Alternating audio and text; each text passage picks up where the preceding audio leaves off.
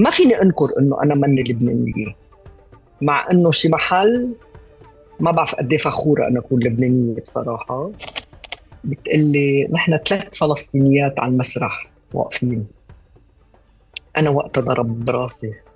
قلت لها بس أنا لبنانية. قلت لي إيه بس أنت فلسطينية. فوقتها بلشت أفكر بصراحة.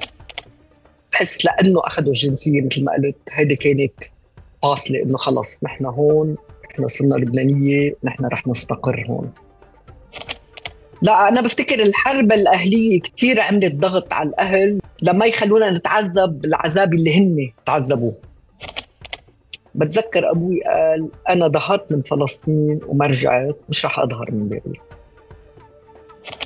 كان يطلعوا باصحاب أصحابي في مين أنت؟ يعني قالوا أبوي إيش إيش عاملين؟ ف تحكي فلسطين؟ بقول له إيه ما أنا اصلي فلسطيني.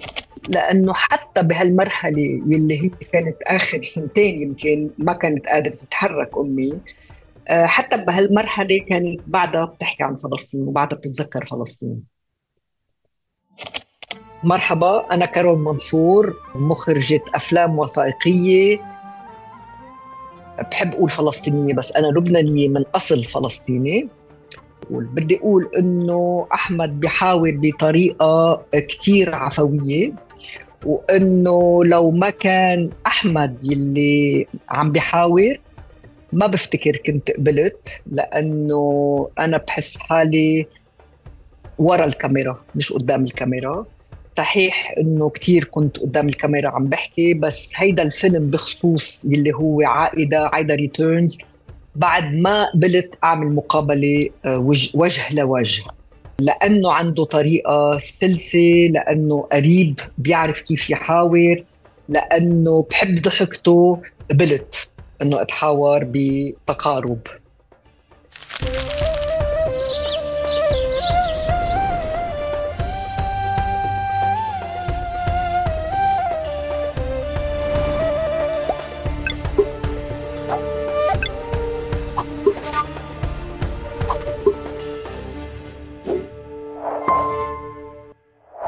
مرحبا واهلا وسهلا فيكم في حلقة جديدة من بودكاست تقارب. معكم أنا أحمد البقاوي وضيفتي لليوم المخرجة الفلسطينية العزيزة كارول منصور. انطرح اسم كارول في بدايات تقارب ضمن الأسماء اللي ممكن تناقش قضايا آه، أو تقدم قضايا الفلسطينيين اللاجئين الموجودين في لبنان وضمن ملف التجنيس تحديدا والمجنسين في لبنان بشكل أساسي. وفرض حاله فرض اسمها حاله علي وعلى تقارب في المرحلة اللي عرفت معلومة أنه هي كانت مثلت لبنان في المنتخب اللبناني لكرة السلة وقعدت أفكر كيف ممكن حياة شخص تكون بشكل مغاير تماما لو ما حصلت على هذه الوثيقة وكيف ممكن الوثيقة تغير مسارات كتير ناس بالحياة. وانطرح اسمها أكثر واكتملت قصة التجنيس عندي أكثر لما عرفت أنه أو أنها خلدت قضية حق العودة من خلال تحقيق رغبة والدتها في العودة إلى يافا ما بعد وفاتها. من خلال تهريب رفاتها ونثرهم ودفنهم في أكثر من مكان في يافا فاليوم الحوار رح يكون نموذج لقصة لاجئة فلسطينية ذهبت إلى لبنان حصلت على جنسية لبنانية تشكلت الهوية عندها وتعززت الهوية الفلسطينية عندها بشكل مختلف بمحطات مختلفة عن الفلسطينيين غير المجنسين في لبنان. آه، وبنتعرف على نمو على هذا النموذج وبنفس الوقت نتعرف أكثر على فيلم عائدة اللي بقدم قضية العودة بشكل مغاير تماما. آه، قبل ما نبلش الحوار بدي أشكركم مقدما على الاشتراك في قنوات اليوتيوب ومنصات البودكاست. آه، وبشكركم مقدما على مشاركتكم معي. كل المواضيع اللي ممكن تخطر لكم كل الأسئلة وكل مقترحاتكم للضيوف أو أي أسماء أو أي مواضيع أو أي أسئلة ممكن تخطر لكم. وكمان شكرا مقدما على مشاركتكم آه هذا المحتوى هاي الحلقات آه وهذه الحوارات مع كل حدا ممكن يكون مهتم فيها. آه وبهيك بنبدأ الحوار مع كارول. هيك أحسن؟ آه, آه أروق. يس استنى شوي أعلي الكرسي يمكن. هيك أحسن؟ نعم صحيح. حبيت النعم صحيح. okay. نعم صحيح. كارول يسعد صباحك. يسعد صباحك. لسه استنى أسجل صوتي علشان أنت تعرف بعدين تعمل مونتاج. صباح الخير صباح النور. صباح الخير صباح النور. أول إشي بس هيك هذا التنويه اللي أنت بتعرفيه منيح إنه الحوار من هلا لآخره مسجل ومن العادة إحنا أنت سيدة الإنتاج والمونتاج فإحنا ما نتعاطاش بالمونتاج في الحوار هذا في فبضل من اوله لآخره يعني... كما هو. مش رح نقصقص إشي لا. أها أها فما في مونتاج يعني. ما في مونتاج لا. يسعد صباحك وأهلا وسهلا فيك. مبسوط إنه زبط زبط يعني الحوار هذا بعد المحاولات الكثيره وإن شاء الله ولا بطارية لابتوبك تضرب هلا ولا تليفونك يضرب ولا تقطع الإنترنت ولا تقطع الكهرباء عليك خلال الحوار. إن شاء الله. كل عندي solar panel so امين ممتاز. بنبلش الحوار إحنا بالعادة آه، الضيف آه، يعرف نفسه كما يحب يا كارول. هذا السؤال يا يا أحمد قعدت أفكر فيه أفكر فيه. كيف واحد بحب يعرف عن نفسه؟ بصراحة ما بعرف آه، آه، التعريف اللي بالإنترنت. طبعا مخرجة آه، لبنانية من أصول فلسطينية مخرجة أفلام وثائقية. كيف بحب أعرف عن حالي؟ صعب صعب أحمد. بحب أول شيء يمكن لما أفكر فيه إنه أه تعرف واحد بيقول أوه مخرجة مهمة عظيمة. مني مهمة ولا عظيمة. أه بحب اعرف عن حالي يمكن ك إنسان أه بحب الحياة أه بحاول يحب الحياة بهالأوقات الصعبة.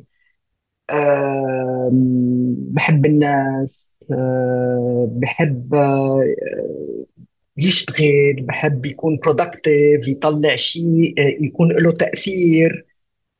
بحب الضحك. ما بعرف. ما بحب حدا يقول عني شو هالمهمة هيدي.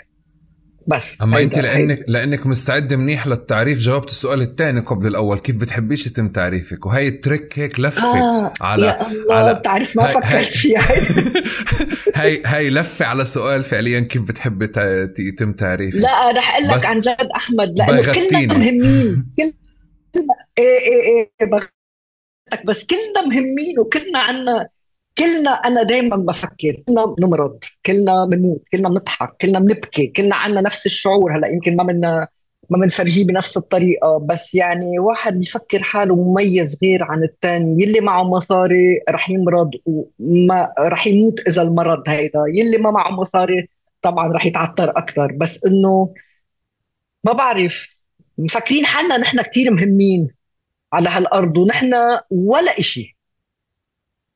بس هيك هذا هيك بفكر.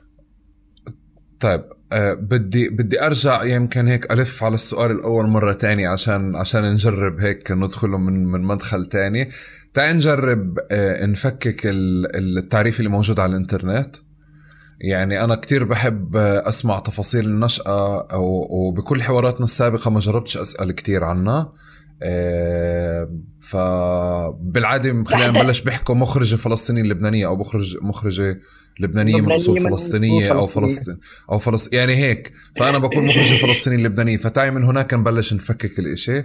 مين كارول؟ أول شيء بس رح أقول لك أنا ثائبت صرت مخرجة. أنا طول حياتي حلمي ألعب باسكت بول وكون على الملعب. أنا كنت بفريق آه، اللبناني باسكتبول كنت أمثل لبنان. آه، هيدا عم بحكي بال 77 78 بفتكر إنت لسه ما كنتش حتى مشروع أحمد بس يعني. آه،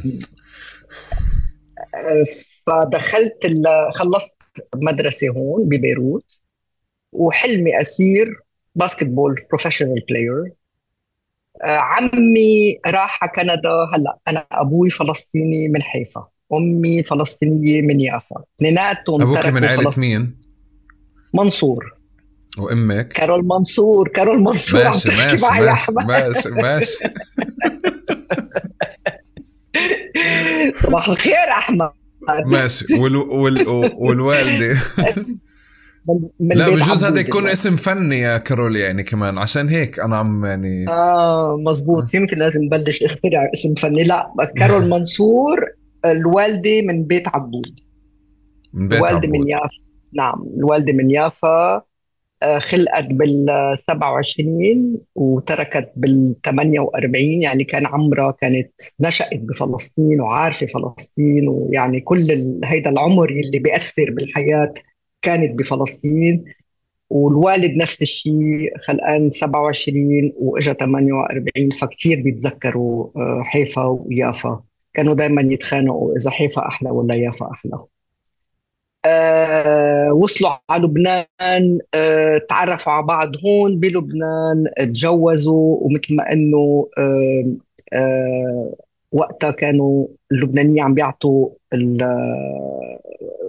اللبناني يعني عم بيعطوا الجنسية اللبنانيه للمسيحية الفلسطينية.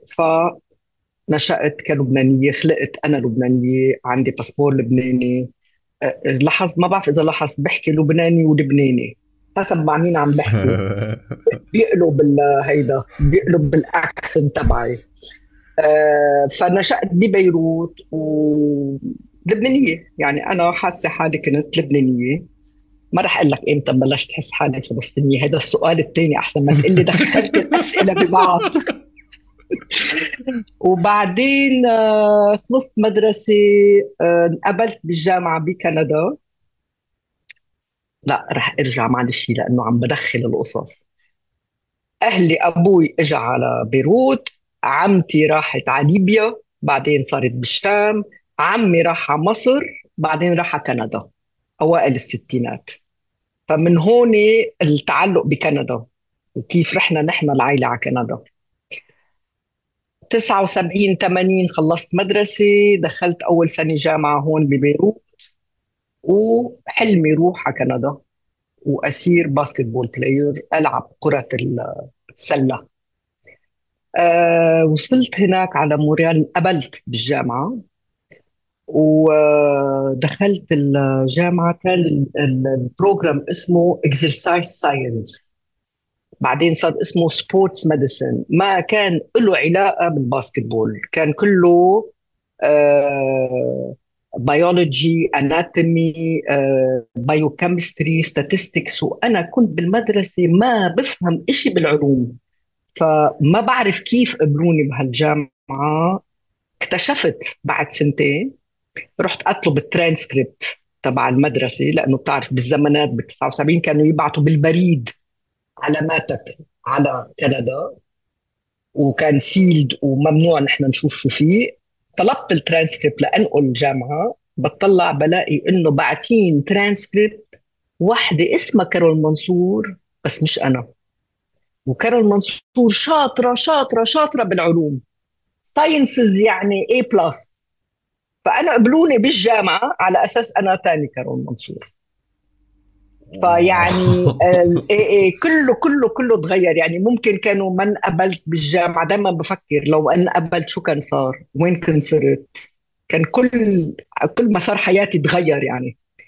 Anyway رحنا على الجامعة خلصت جامعة طبعا كرهت عملت sports medicine و psychology علوم النفس.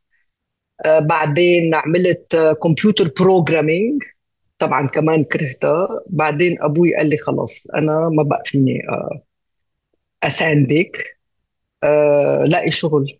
أو اعملي master psychology أو هيدا بكمل. اشتغلت أحمد خمس سنين. بعت بوب كورن بالسينما. دهنت بيوت. عملت waitress بالمطاعم. قشرت بطاطا. آه، اشتغلت نظفت بيوت. بس كل شيء لما آخذ فلوس من من الوالد. كانوا يسألوا الوالد اولادك شو بيعملوا؟ يقول أخوي حكيم أخوي الثاني آه، ابني حكيم ابني الثاني real estate بنتي ما عندي ولا فكرة شو بتعمل بس ما بتاخذ مصاري مني. لا بعد شي ست سنين كان في صف بمونتريال workshop تصوير واكتشفت إنه انغرمت. بهال بهالمجال. رجعت على بيروت ب 92 خلصت الحرب. خلصت الحرب بين bracket لأنه ما في شيء خلص بعد. وانتميت آه، لتلفزيون مستقبل وهون تعلمت كل شيء مونتاج كنت قدام الكاميرا كنت ورا الكاميرا كنت producer كنت مخرجة آه، قدمت برامج. 2000 قررت إنه ما بقى عم بتعلم إشي بدي أنا أعمل my own أفلام. وابتديت ب Forward Film Production اللي هي الشركة الصغيرة اللي هلأ آه، صار لي 23 سنه مؤسستها فهيك صرت مخرج صرت مخرجة. عظيم. كيف غير إنك مخرجة عظيمة كيف بتحبيش يتم تعريفك؟ ما مش ما عظيم قلت غير إنك مش مخرجة عظيمة كيف بح... كيف ما بحب ولا آه. كيف بحب؟ كيف بتحبيش؟ كيف, كيف بحبش؟ ما بعرف أحمد كثير صعب هالسؤال ما بحب آه، يقولوا عشان هيك آه ما بحب يقولوا عني شايفة حالي آه ما بحب يقولوا عني آه فيلسوفة ما بحب يقولوا عني. ما بعرف. إنسانة طبيعية أنا. كل هالبشر حوالي. ماشي بس ما أنا شفت يعني أنت بتطلعي على مقابلات وبتطلعي ب 100 شغلة ودائما يعني مستوى الصحفيين على مستوى الخبرة والاجتهاد والإبداع يعني مختلف كيف شفت. فكل واحد بحب يقدمك على شيء مثلا لو إجيتي عندي كان أنا أبدعت بس أنا فعليا بتقارب بتجنب هذا الموضوع. فيعني اشكر الله. بت بترك الضيف فعليا يقول لي كيف بحبش حتى. فيعني طيب بس انت مثلا بسياق بسياق الإخراج والعمل المهني حكيتي عنه بس بسياق فعليا مثلا آه، آه، إشارة لنشأة لخلفيات ثقافية لخلفيات هوية لكذا هل في أي شيء ما بتفضليه أو بتفضليه؟ لا بفضل هلأ مؤخرا في صديقة لإلي لبنانية. كل ما يسألوها بال برا أنت من وين؟ بتقول أنا فلسطينية. فقلت لها خالده بس أنت مش فلسطينية. بتقول لي إيه بس لازم دائما نذكر إنه نحن في فلسطين. ف... فأنا دائما كنت لما بعرف عن حالي بقول لبنانية من أصول فلسطينية لأنه في شي محل كمان أهلي آه، حمونا. يعني وقت الحرب الأهلية كنت بعدني يعني عمري 13 14 سنة. فما كان بدهم إيانا ندخل بالسياسة وندخل بالصراع وبتعرف اللبنانية كيف كانوا يكرهوا الفلسطينية.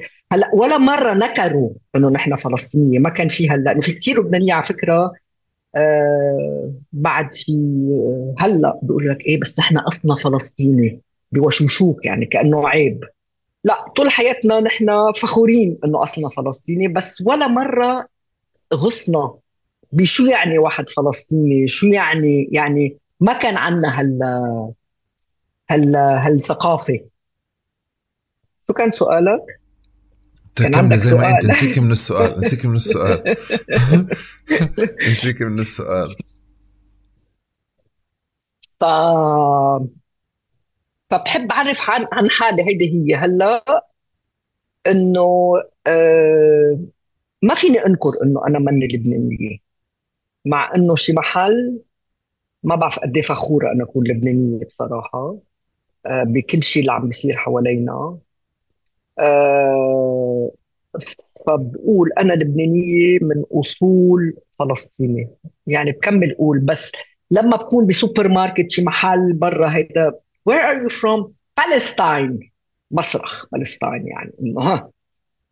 بس إنه الناس اللي بتعرف عليهم حضرتك يعني إنه لا ما فيني أنكر شو لبنان كمان قدم لي بصراحة. أو ما قدم لي.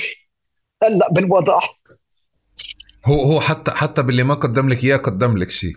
هيك لبنان. إيه طبعا. مش حارمك من شيء. طبعا طبعا طب إيه. كارول كارول كارول إذا بدي أمسك معك مسار بس هيك بكيف تغير تعريف نفسك من من أهلك إنه لبنانية أو حكوا لك أو خبروك تعرفي حالك لبنانيه بشي محل؟ بعدين لصرتي يعني عم بجرب بس أمسك آه تعرفي حالك هيك. ممكن إذا إذا تمسك تمسكي لي إياه بمسار أو بمحطات بس عشان أعرف وين كيف انتقلتي من لبنانية لواحده بتصرخ فلسطين؟ لا ليك ما ولا مرة ما صار في هيك نقلة إنه آه والله في شيء وعاني يعني هلأ كل حياتي طبعا مع حقوق الإنسان وعم شوف شو عم بيصير حوالي بس يمكن لما بلشت أعمل أفلام أه وعيت أكثر أنا فيني أقول وعيت على فلسطينيتي مؤخرا. يعني مش مؤخرا كثير مؤخرا بعمري.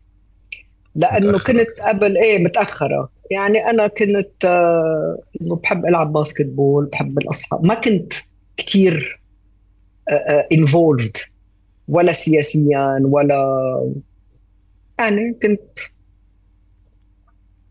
بس بفتكر لما بلشت أعمل أفلام أول أول فيلم وثائقي عملته كان عن أطفال الشوارع بالقاهرة. اسمه مئة بالمئة أسفلت. و كنت بعدنا عم بشتغل بالتلفزيون وبتذكر كان عندي صديق لإلي بمصر عنده مركز للأطفال اللي هن من الشوارع هربانين من البيت وبتذكر تحمست أخذت كاميرا ورحت وصورت وهيك بلشت أعمل أفلام وثائقية. كنت بالتلفزيون ما كان في أفلام وثائقية طبعا. ووعيت على شو عم بيصير حوالينا من من شو بيقولوا انجستس عدالة. أو عدم عدالة. عدم عدالة. وشوي شوي بفتكر شوي شوي إيه بلشت أوعى على شو عم بيصير حوالي. كان عمري كان كان هيدا سنة ال 2000 يعني مش إنه ما كنت كتير صغيرة بس وقتها وعيت وراح الفيلم على مهرجان بال بال Institut Arabe ال Institut du Monde Arabe شو اسمه؟ المعهد العربي بباريس. وربح وربح جائزه كان هيدا أول مرة بعمل شيء أنا ككارول منصور وك بتذكر واقفه على ال stage مع كان معي آه، مخرجة فلسطينية اسمها ماريز غرغور كبيرة بالعمر وكان معي بفتكر مي مصري. أنا كنت لسه لإلي كنت لسه طفلة يعني طفلة بال أول مرة بطلع على ال stage وأول مرة بعمل فيلم وأول مرة الناس بتشوف و... و... بتذكر مريز غرغوري اللي كانت صديقة مع أهلي بتقول لي نحن ثلاث فلسطينيات على المسرح واقفين. أنا وقتها ضرب براسي. قلت لها بس أنا لبنانية. قلت لي إيه بس انت فلسطينية. فوقتها بلشت أفكر بصراحة. وقتها يعني مش إنه صار في حادث حادثة إنه انتفاضة أو شيء لا. بصراحة لا. وقتها بلشت. إذا إذا بدي أرجع للقصص من من كيف شفت فيلم آه، عودة عايدة آه، عودة عايدة هو بيطلع بالعربي صح؟ عايدة زرتين عايدة اسمه. Aida Returns آه. Aida Returns بالإنجليزي. وعائدة لأنه اسمه هو عائدة. Okay. آه بالعربي بيطلع عائدة فا okay. مم. تمام.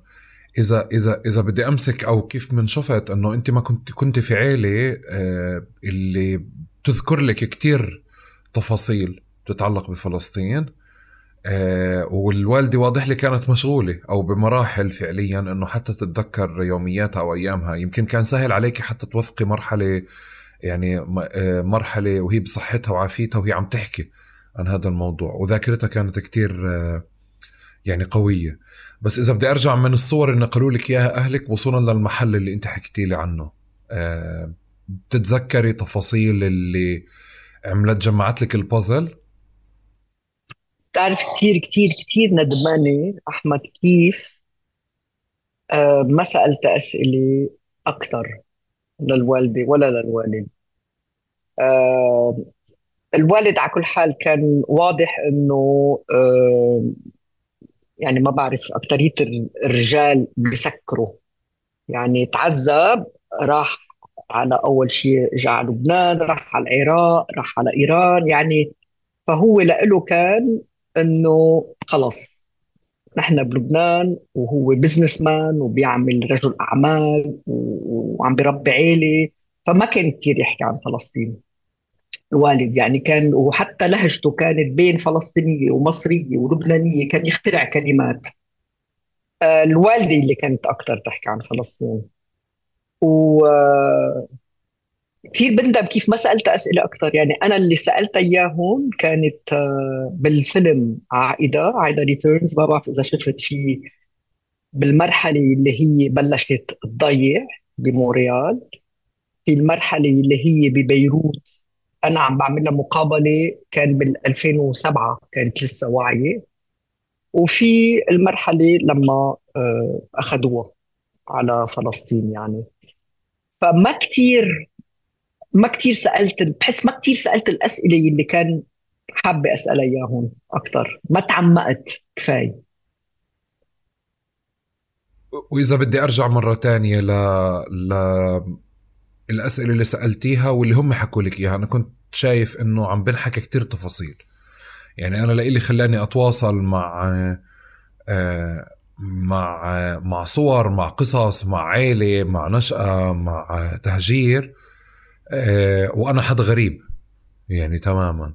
بحالتك أنت في صور أو قدرت اليوم هيك تعمل بروسيسنج أو معالجة للصور والقصص الكتيرة آه، اللي حكوا لك إياها لتجمعي بازل ما بتخصك؟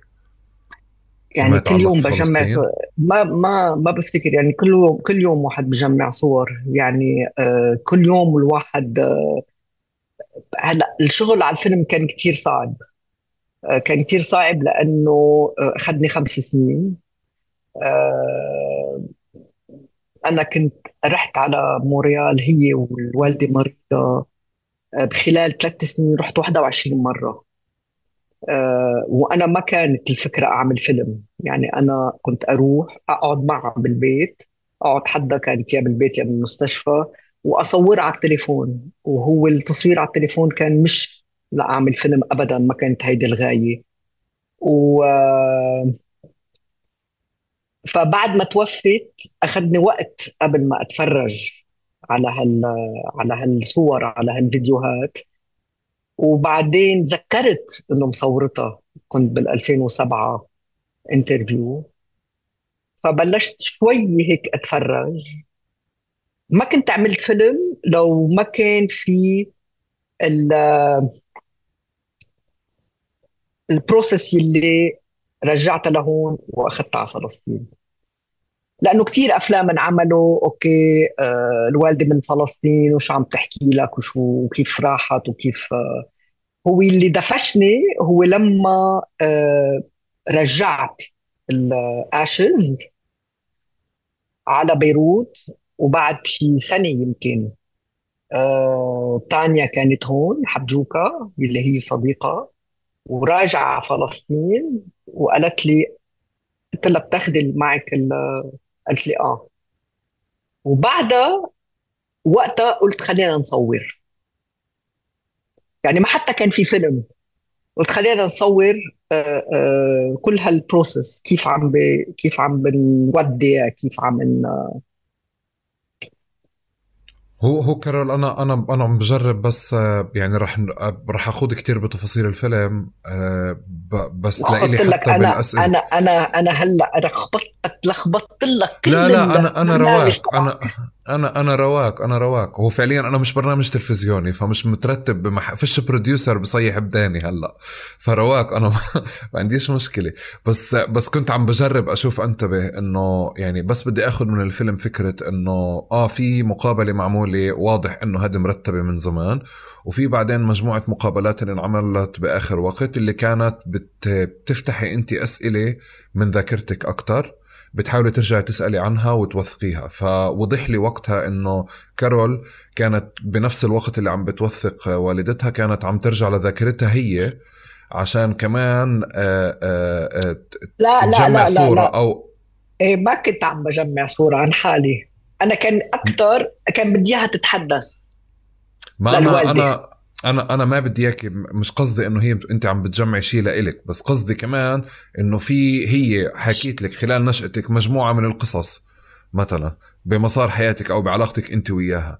بهذه المرحلة لما كنت أنت بتجربي تسألي طب بيتك طب كذا طب الجيران طب تفاصيل ما فأنت كنت عم تستحضري صور. هدول اللي أنا عم بجرب أسمع عن يعني أفهم إنه أصلا في البيت كان في عندكم حديث عن فلسطين عن البيت عن عن النشأة عن يافا. ما كيف كتير. كان شكل ما كتير. لا ما كتير. عم بقول لك هيدا اللي ندماني فيه. هو آخر الأيامات اللي بلشت أسأله أكثر. أوكي. هيدا هيدا هيدا يعني كانت بلشت عم تنسى. هلأ كانت تحكي هي قد إيه كان البيت حلو وكل شيء بس ما كان عندي ما كنت ما كنت ناضجه كفاية لأسأل أسئلة ناضجة فكريا آه، آه، فلسطينيا يمكن لأسأل كل هالأسئلة.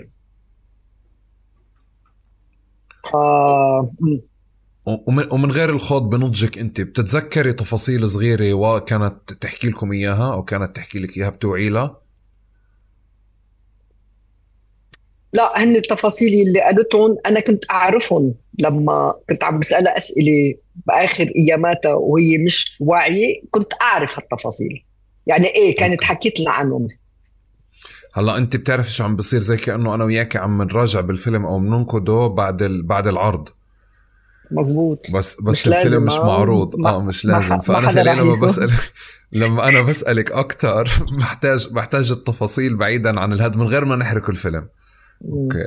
يعني هيك. بس أنا لإلي هدول الصور الصغار اللي انت اللي بتحكي عنهم اللي سألتيها هم اللي أنا محتاجهم. فشو الصورة أو السردية أو الرواية اللي أنت آه كانت موجودة عندك اخذتيها من الوالدة والوالد والوالدة عن كيف كانت حياتهم في فلسطين. يعني كانت لا, لا أنا بحس إنه كانوا مبسوطين ومثل ما قالت هي بالفيلم يعملوا حفلات ويروحوا بيكنيكس ويذبحوا الخروف و آه، هلأ الوالدة شوي ستة يعني آه، شوي من البرجوازية يعني مبين يمكن شوي على أمي. آه، ف فكان في مصاري. يعني مش إنه فكان في سهرات و كانوا عايشين هي هي بتذكر هلا ما قدرت حطها بالفيلم لأنه بتقطش هيدا إنه كانت الحياة كثير حلوة بفلسطين. هيك بتقلي كثير كانوا سعيدين وكثير آه، آه، أصحاب وظهرات و... يعني بفتكر مثل حياه أي حدا عايش ببلد أنا حياتي بلبنان كانت كثير حلوة. وكنت سعيدة وكنت مرتاحة وكنت مش واعية شو عم بيصير حوالي و... فما بعرف كثير شو سؤالك. لا رواق خلص. هيك أنت عم بتجاوب على سؤالي؟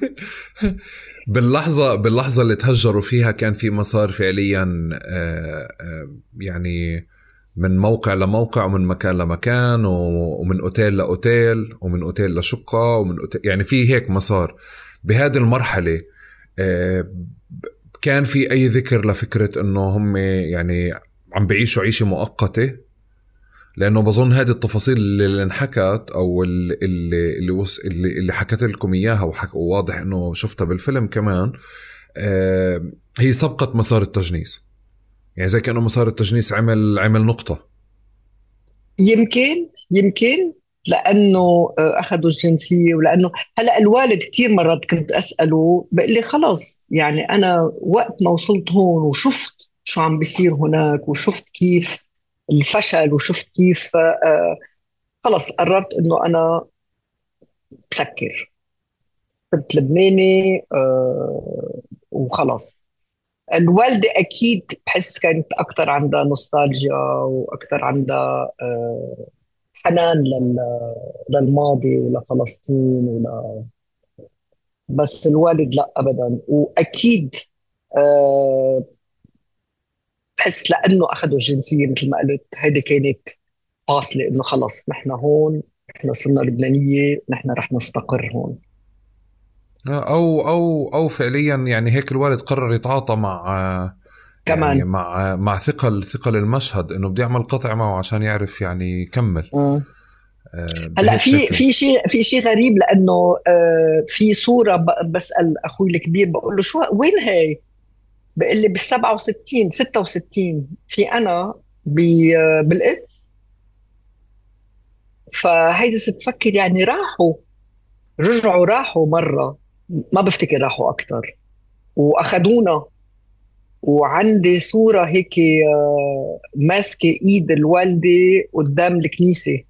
بالقدس قدام بس ما بعرف إذا عم بحلم إذا ما بعرف. إذا واحد مرات بيركب صور براسه كمان. ما أنت شفتيها عم بتقولي؟ لا شفت الصورة. بس هيدي إنه آه أنا ماسكة ايد أمي آه وماشي آه قدام آه آه. آه آه آه. وأهلك ما حكوا لكم يعني هذا الحدث ما كان حدث مركزي مثلا أو إنه ما انحكى ما انذكر. هيدا هيدا اكزاكتلي هيدا يلي آه بقول ليش ما قالوا لنا إنه رحنا على سوا؟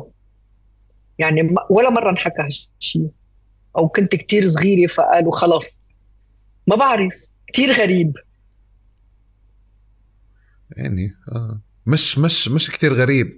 أنا أنا بفكر في شغلة إنه في في يعني بمسار اللجوء هي السنين عم بتعاطى مع يعني مع لاجئين برا وكتير مختلف الإشي لاجئين جوا فلسطين عن لاجئين برا لاجئين فلسطين لبنان سوريا. في إشي بتعلق ب, ب يعني مسار عيشتهم أو الظروف اللي بيعيشوا فيها والمحيطة فيهم اللي بتخليهم يتعاطوا مع الإشي بشكل مغاير. بمعنى مش بس مجرد فكرة العودة لبيتهم أو حياتهم أو تفاصيلهم أو إذا في إشي في مسار عم بيكون كمان جوا البلاد عشان يرجعوا ففي كمان مسار حواليهم اللي بخليهم يعني يتأثروا بشكل مختلف. في حالة لبنان شفت إكستريمين أنا. يعني شفت إنه القهر وال والقهر آه، آه، أو أو التعنيف أو الأذى أو الظلم اللي ممكن يكون موجود على الفلسطينيين مش ممكن هو اللي موجود على الفلسطينيين في المخيمات بيخلي الواحد طول الوقت يتمسك بإنه هذا سبب من أسباب يعني إنه فكرة الهوية تبعته وفكره العودة وفكرة التهجير هي سبب لكل هذه المعاناة اللي موجودة. فبتلاقي إنه في حالة طبعا جيل بعد جيل قاعدة بتختلف هلأ من غير الدراما والرومانسيات يعني بس إيه بس بتلاقي إيه. دائما بس بتلاقي دائما فكرة إنه من وين أصلي وعائلتي كذا وأبوي هون وأمي هون وهيك. وبالإكستريم الثاني كمان حاضرة فلسطين بس بشكل مغاير من بدها قطع. فإذا بتقعدي مع حدا مثل حالتك آه، خاصة الكبار اللي عندهم يعني مثلا عاشوا أو أو حاولوا يلملموا أو سألوا الأسئلة اللي عم بسألك إياها بشكل مبكر بتلاقي في قطع بمكان ما عشان يقدروا يوقفوا على إجريهم بسرعة. يعني زي كأنه إجتهم فرصة واستغلوها بشكل آه، آه، بشكل سريع. وعلى فكرة في إشي بيشبه كمان يعني بمشهد تاني الفلسطينيين الأوائل اللي راحوا على الخليج كارول حتى من من مناطق الضفة. فبتلاقي إنه طلعوا هناك وصارت العلاقة مع فلسطين هي علاقة عن مع الأهل نبعت فلوس أو بندعم أو كذا بس طول الوقت مشغولين ب بإنه مثلا يكونوا قطريين أو يكونوا سعوديين أو يكونوا جزء كويتيين أو جزء من هاي الثقافة. ف عشان هيك بجرب أقول إنه الإشي مش يعني مش بس مسار لجوء أو التجنيس في لبنان بقدر ما إنه كمان مسار كل فلسطيني خارج فلسطين كان بتعلق بكتير بالظروف اللي اللي كانت لا طبعا حوالي. اللي موجود هون بالفلسطيني اللي موجود بالمخيمات هون اللي ما عنده أي حقوق ما عنده أي طبعا بده يتعلق بالعودة. هلأ ما بعرف قد إيه إذا بتسأل الجيل الجديد بتحب ترجع على فلسطين أو بتحب تروح على فلسطين لأنه ما في يرجع ما ما كان هناك. بقول لك لا يعني بحس إنه كثير منهم إنه لا نحن بنرجع لوين؟ فما بعرف ما بعرف إذا هل وضعهم للفلسطينيين اللي بالمخيمات مثل ما قلت تمام مثل ما قلت لأنه وضعهم هالقد سيء بتعلقوا بشيء لأنه ساء لأنه ساء فعليا فأخذت الإجابات اللي اللي بالعادة هيك يعني نحتفي فيها في كل مكان عشان نقول حق العودة ما بيسقط. مم. بس بتعرف أحيانا سرديتنا إذا كانت ضعيفة بتسقط بهيك مراحل. فلما صار القهر في لبنان أكثر على كل لبنان وزاد على المخيمات أكتر بأكتر مرحلة بآخر عشر سنين. بطل الحديث اليوم إنه آه، بدي أرجع على فلسطين. صار إنه أنا بدي أطلع أوروبا بعدين برجع على فلسطين هلأ. بس طلعني على أوروبا. تمام تمام يعني تمام, تمام. يعني مش مش فكرة سقط حق العودة بقدر ما إنه آه بدنا نطلع لأنه اللبنانية كمان عم بيطلعوا. يعني هلأ بعدين بتسألني. وإشي تاني انتبهت له إنه باللقاءات التلفزيونية بتعرف ال ال ال يعني منتجي الأفلام أو منتجي المقابلات بيختاروا بالآخر. يعني منتجي التقارير بيختاروا مقابلات محددة. بلشت أشوف أكثر مؤخرا يمكن بآخر سنتين إنه آه حدا بنزل على على مخيم وبيسأل أنت من وين أو أو بدك ترجع فلسطين فبلشت تطلع إجابات ما فيها احتفاء بفلسطين أكثر فيها قرف يعني زهق. زهق من حالة المعيشة كلها إنه أنا هلأ بدي بدي أسافر بدي أطلع أوروبا حل عني. بدي الحق أخوي تمام تمام بس تمام. أنا أخوي يعطيني آه آه. فيزا. فال تمام تمام تمام. عش... عشان هيك عم بجرب أنا أرجع أنا وياك أكثر ل... ل... لذاكرة لتفاصيل لنلملم أشياء بتتعلق بهذا المشهد اللي لنموذج مثل مثل نموذج كارول آه أو أو عيلة مثل عيال كارول كيف فعليا تشكل الإشي. معها وصولا لأنه كان عندها آه، آه، كان عندها المخزون اللي موجود عند والدها ووالدتها ويمكن والدتها بالأكثر اللي أنا شفته. وبمرحلة ما فعليا أنا لإلي بكل الظروف اللي عم نحكي عليها شكل العودة اللي اللي شفناه ب بعودة عائدة أو عائدة أو عودة عايدة. آه، حبيت أنا عودة عايدة أكتر الصراحة من عايدة. بس هون في إشي اللي, اللي الترجمة للي إحنا بنحاول نحكيه كارول بفكرة العودة وحق العودة وممارسة العودة آه، بشكل مغاير بشكل ترجمة فعلية. وأنا اليوم بالنسبة لإلي يعني هذا أكثر شيء آه، بخليني آه، أتمسك أكثر بحق لأنه عم نمارسه. ف... فلإلي من هون عم برجع طول الوقت هلا معك عشان ننكش أو ننبش كتير ذاكرة واشياء لا أحمد خليني... أنا خليني بس أقول لك أنا جاي من محل ما بعرف شو بالعربي بيقولوا بيقولوا privileged. امتيازات ما عندك امتيازات. أوكي. إيه عندي امتيازات فما فيني أقارن حالي مع حدا آه، آه، بالمخيم يعني. أنا بس جاي أنا مش عم بقارن بالمخيم. ما أنا جاي فعليا هيك. الحدا اللي كان عنده ما يكفي من الامتيازات وهيك خليني أحكي لك. ال ال كثير امتيازات آه، كثير راحة بأماكن مقارنة بناس تانية بظروف تانية. طبعا. بس بس الفكرة وكتير وكتير جنسيات. بس الفكرة اللي اللي كان ممكن تتخلي عنها آه، فكرة شكل العودة اللي شفته للوالدة هذا إشي مش درامي مش رومانسي مش إشي بقشعر البدن هذا فعليا إشي يعني آه، في عودة حقيقية. يعني أنا كنت في فلسطين كارول قبل فترة. لما شفت الفيلم شكرا إنك يعني أعطيتيني فرصة إني أشوفه قبل الكل. آه، لما شفته ال spot اللي أو النقطة اللي اللي, حطت فيها الرفات في المقبرة رائدة في بالي إنه أنا إذا نزلت ع يافا بدي أروح هون. يعني أنا تواصلت مع نقطة أو صار في عندي علاقة مع نقطة ما. آه، ورائدة كيف وصفتها كيف حكت عنها كيف دورت عليها. فحفظت فأنا أنا لإلي في مجموعة من الصور عندي اللي صارت موجودة بيافا نقطة إضافية لإلي هناك. فيمكن اللي أنت يمكن انت اللي سويتيه هو مش آه، يعني بالنسبة لإلك كنت مشغوله بالتفاصيل وبال logistics وبهيك بس لإلي هو جزء من روايتنا عن شو يعني عودة عن شو يعني حق عودة عن شو يعني ممارسة عودة. وعشان هيك يعني تفتحي قلبك أكثر وتساعديني بالتفاصيل. بالنسبة لإلي أنا كأحمد اللي لفتني بمسارك أكثر إنه كنت أفكر إنه بالمقارنات بين اللاجئين على قد ما تريح اللاجئ على أو تعطيه امتيازات على قد ما فعليا بتكون أقل ارتباطا بفلسطين وبلده. يعني لما بكون عنده 13 فيلا برا وتيجي تحكي له سيدك كان عنده فيلا بال 48 مش كتير رح يهتم فيها. آه آه وصار في ديبيت كتير طويل إنه طب هدول اللي عايشين في الأردن هدول اللي عايشين بكندا هدول اللي نشأوا هنا هدول عن جدهم يرجعوا. فلفترة كانت النقاش نقاش ماديات إنه آه إذا قلت له عندك كمان فيلا للي عنده 13 راح يحب يصير عنده 14 يعني. آه راح يصير.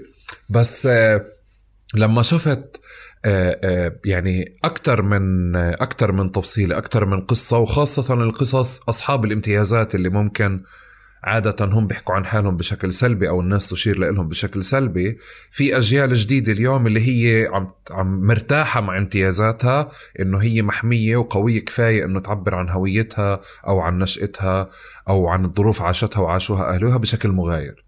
من غير كيف اعتادوا أهلهم يتجنبوا يحكوا أو يتجنبوا أو أو انشغلوا يحكوا عنها بطريقة ما بس عشان يعني كسلوك نجاة أو أسلوب نجاة. فهيك أنا بكون خلصت ما علي هلأ عشان أنت فعليا يعني تمام؟ فرح أنكش كثير أسئلة كثير تفاصيل. رح أقول لك رح أقول لك الجيل لا جم...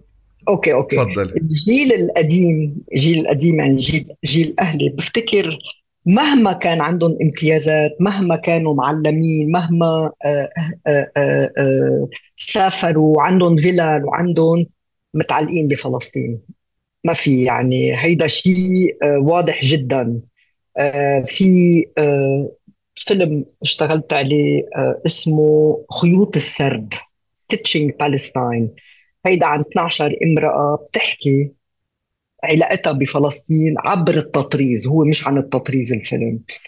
وفي عندك ستات من الداخل ومن الخارج ومن لبنان ومن الأردن ومن وكل وحدة منا منهم الفرق بين هيدا الفيلم وغير أفلام بفتكر هو إنه كلهم مثقفين مثقفات نساء.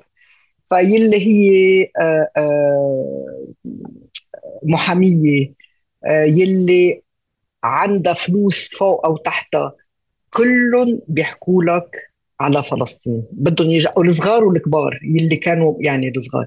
بس كلهم من عندهم امتيازات. فما عندي ولا شك إنه آه إنه فلسطين موجودة عند الكل. يعني ما حتى لو ما عندك أنت ذكريات حتى لو ما لأنه هالقضية هالقد آه قضية حق. بفتكر الواحد بيتعلق بعد زيادة. ما بعرف اذا إذا عم لا عم صح صح. لا آه. صح صح فاهم عليك. وبدي أحكي لك كمان إشي إنه لأنه هي قضية حق بس لأنه قضية تم تقديمها أو أو أو تم إبراز الخسائر اللي موجودة فيها كجزء من الرواية فصارت فعليا في حالة من المزايدة بين بين مين خسر ومين خسر أكثر وهي لليوم مستمرة.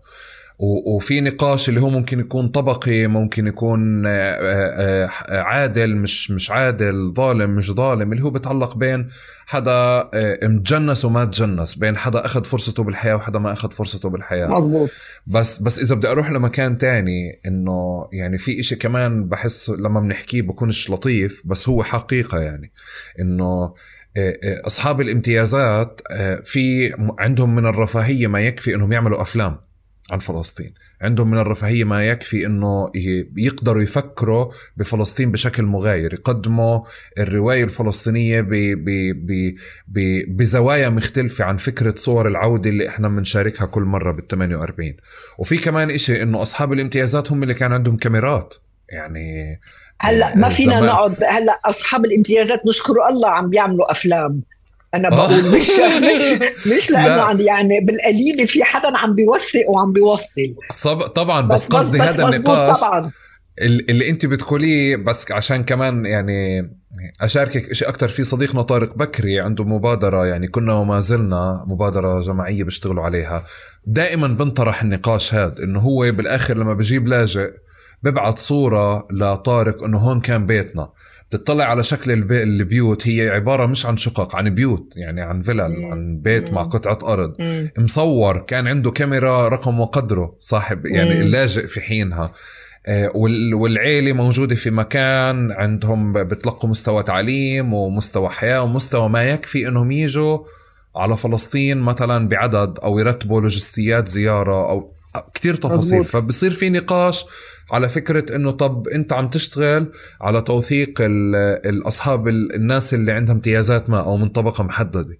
بس في حينها إنه آه مزبوط. يعني ما, ما بنقدر ننكر هذا الإشي بس لأنه هم اللي كانوا بيصوروا هم اللي كان عندهم كاميرات في حينها. طبعا طبعا ففي طبعا نقاش طبعا. مربوط كمان بالصورة بالرواية بالذاكرة بالتفاصيل في هيك. طبعا طبعا. كارول بالمدرسة كنت مشاغبة أنت؟ شو رأيك؟ والله شكلك آه. آه كنت مشاغبة. كنت كنت تقعدي آخر صف ولا أول صف؟ آخر صف. آخر يا صف. طبعا. دائما آخر صف.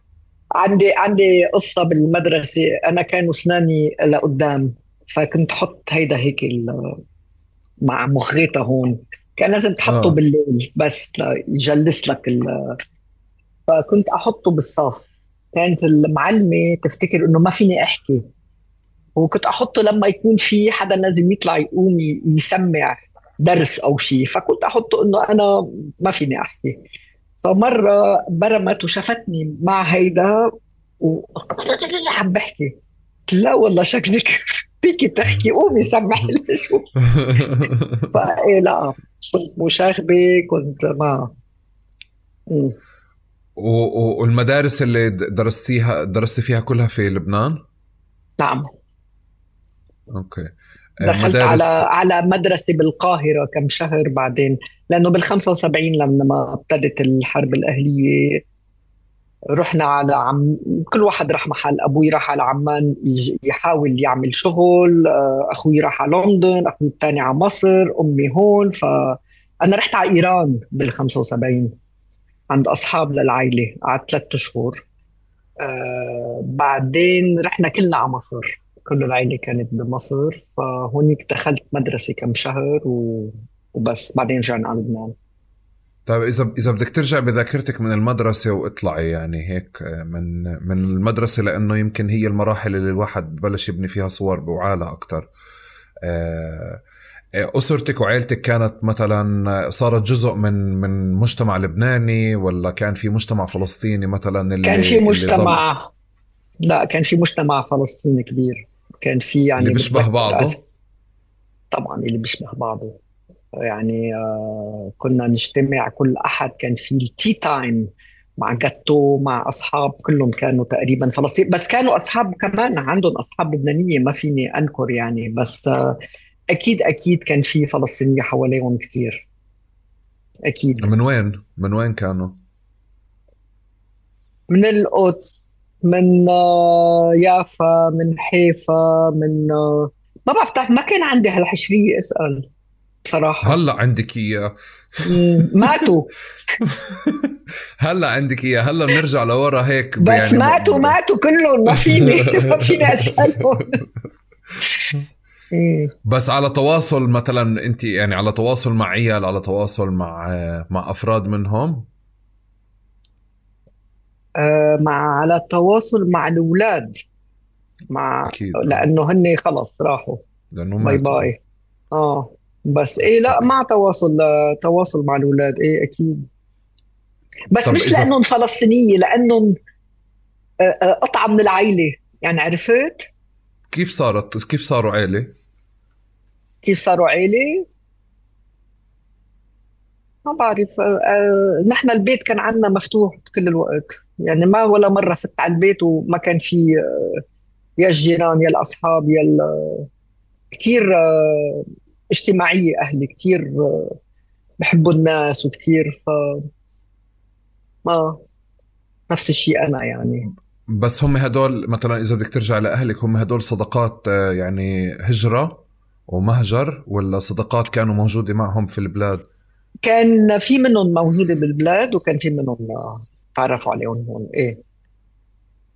مزبوط وحس وحس وحسب أهلك أخذهم وقت لعملوا هذه الدائرة أو هذه العيلة؟ لأنه كمان الام كانت بتحكي إنه طلعنا إحنا وأصحاب من الأوتيل واستأجرنا أوتيل تاني. إيه ف... لا ما بفتكر حق... كان صعب.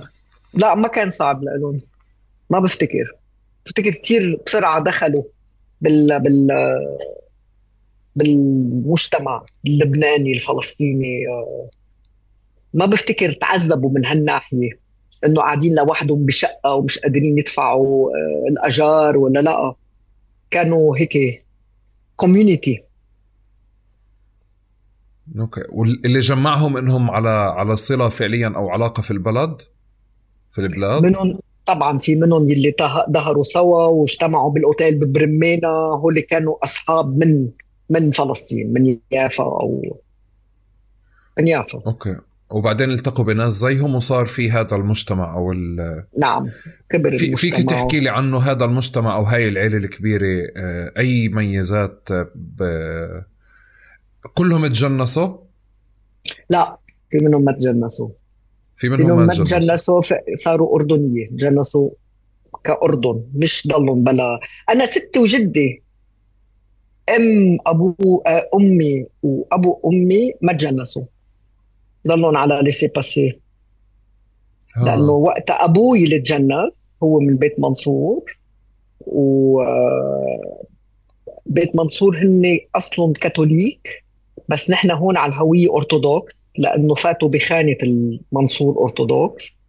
واكتشفت هيدا مؤخرا لأنه كل ما حدا يسألني أنت شو قل له ما بعرف يا كاثوليك يا أرثوذكس.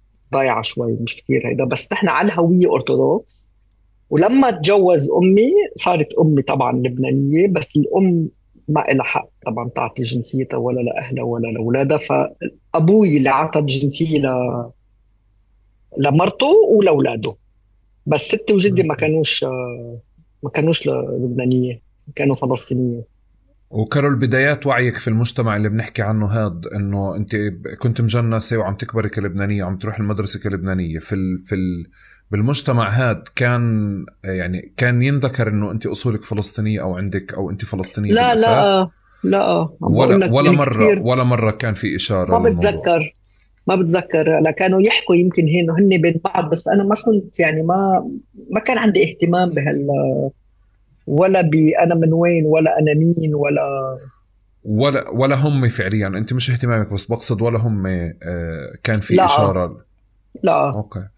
لا أنا بفتكر بي... الحرب الأهلية كثير كثير عملت ضغط على الأهل ليخلونا لما عرفت؟ لما يخلونا نتعذب العذاب اللي هن تعذبوه. كيف؟ يعني هن تركوا وهن آه، آه، تهجروا حتى لو كانوا عندهم امتيازات آه، ولما ابتدت الحرب هون كان طبعا الحق على الفلسطينية. ما كانوا بدهم يدخلونا بكل هالمشاكل وبكل هال عرفت؟ ف ما بعرف حسيت حالي محمية من كل هال يعني ولا حتى إنه أنتم مسيحية ونحن كنا عايشين براس بيروت. راس بيروت اللي هي المنطقة اللي فيها أكثر إسلام وقت الحرب اللي هيدا.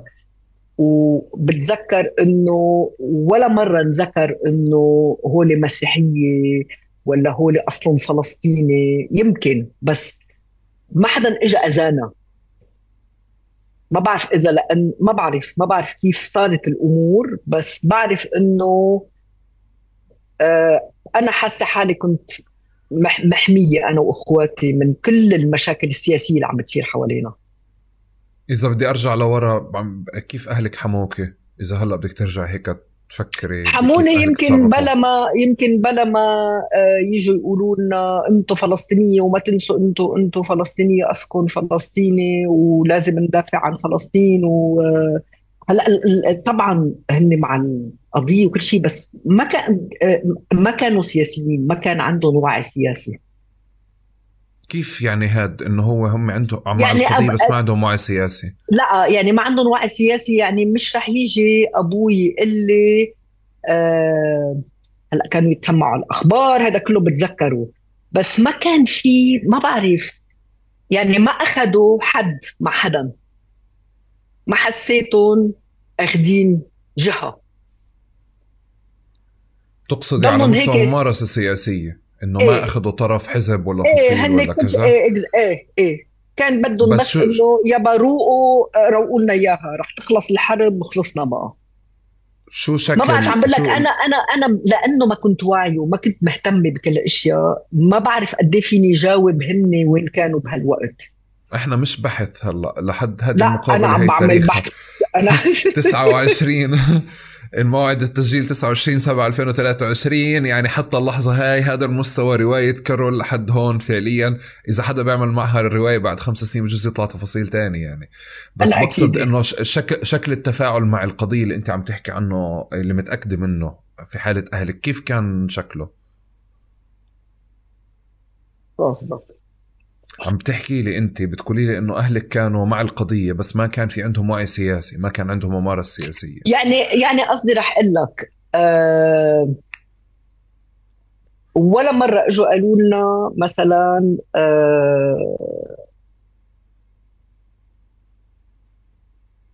ما بعرف ما بعرف كيف أقول لك أه ما كان عندهم وعي سياسي يمكن عم تخنا ما كان عندهم وعي سياسي. أكيد كان عندهم وعي سياسي يمكن ما نقلوا لنا الوعي السياسي لنا هيدا قصدي يعني ما ما إجوا قالوا لنا ليكو أنتوا وعوا أنتوا أنتوا لبنانية بس فلسطين هي أهم من لبنان. يعني ما كان عندنا هال هالديسكورس أه بتذكر هيك إنه أنتم بدكم تتشكروا لبنان لأنه اعطاكم جنسية لأنه أنتم عندكم امتيازات غير الباقيين رحتوا على المدرسة هون أصحابكم لبنانية. آه، كان هيدا آه، كثير واعي فيي. ما بعرف إذا جاوبتك. لا عم بتجاوب ما كنا ما إيه عم جاوب يعني ما كنا نحكي سياسة بالبيت. هن الكبار كانوا يحكوا أكيد. طب الجيران ولا إنه, إنه أهلك بتحكي لي إنه أبوك فعليا مثلا كان بتابع أخبار وكان بيعرف وجزء منها طبعا شاف طب كيف كان شكل أنت شو بتوعي أنا رح لك المتابعة أنا رح أقول لك ب 82 لما صار في اجتياح إسرائيلي على بيروت وعلى لبنان آه، بتذكر نحن عايشين بالغربية يعني بالمنطقة اللي كان فيها الإسلام يعني هن الشريرين اللي كان فيه المخيمات الفلسطينية اللي آه، بتذكر مرقوا الإسرائيلية ورموا آه، وراء عليهم إنه أنتم يا سكان بيروت نحن ما بدنا نأذيكم بس نحن رح نضرب المخيمات وأنتم يمكن رح تنأذوا. فانتم ظهروا من بيروت. بتذكر أبوي قال أنا ظهرت من فلسطين وما رجعت مش رح أظهر من بيروت. فهيدا هيك شوي بقي معي. شو يعني؟ شو هل لأنه هو عاش النكبة ولا شو صار براسه؟ وشو ما بعرف.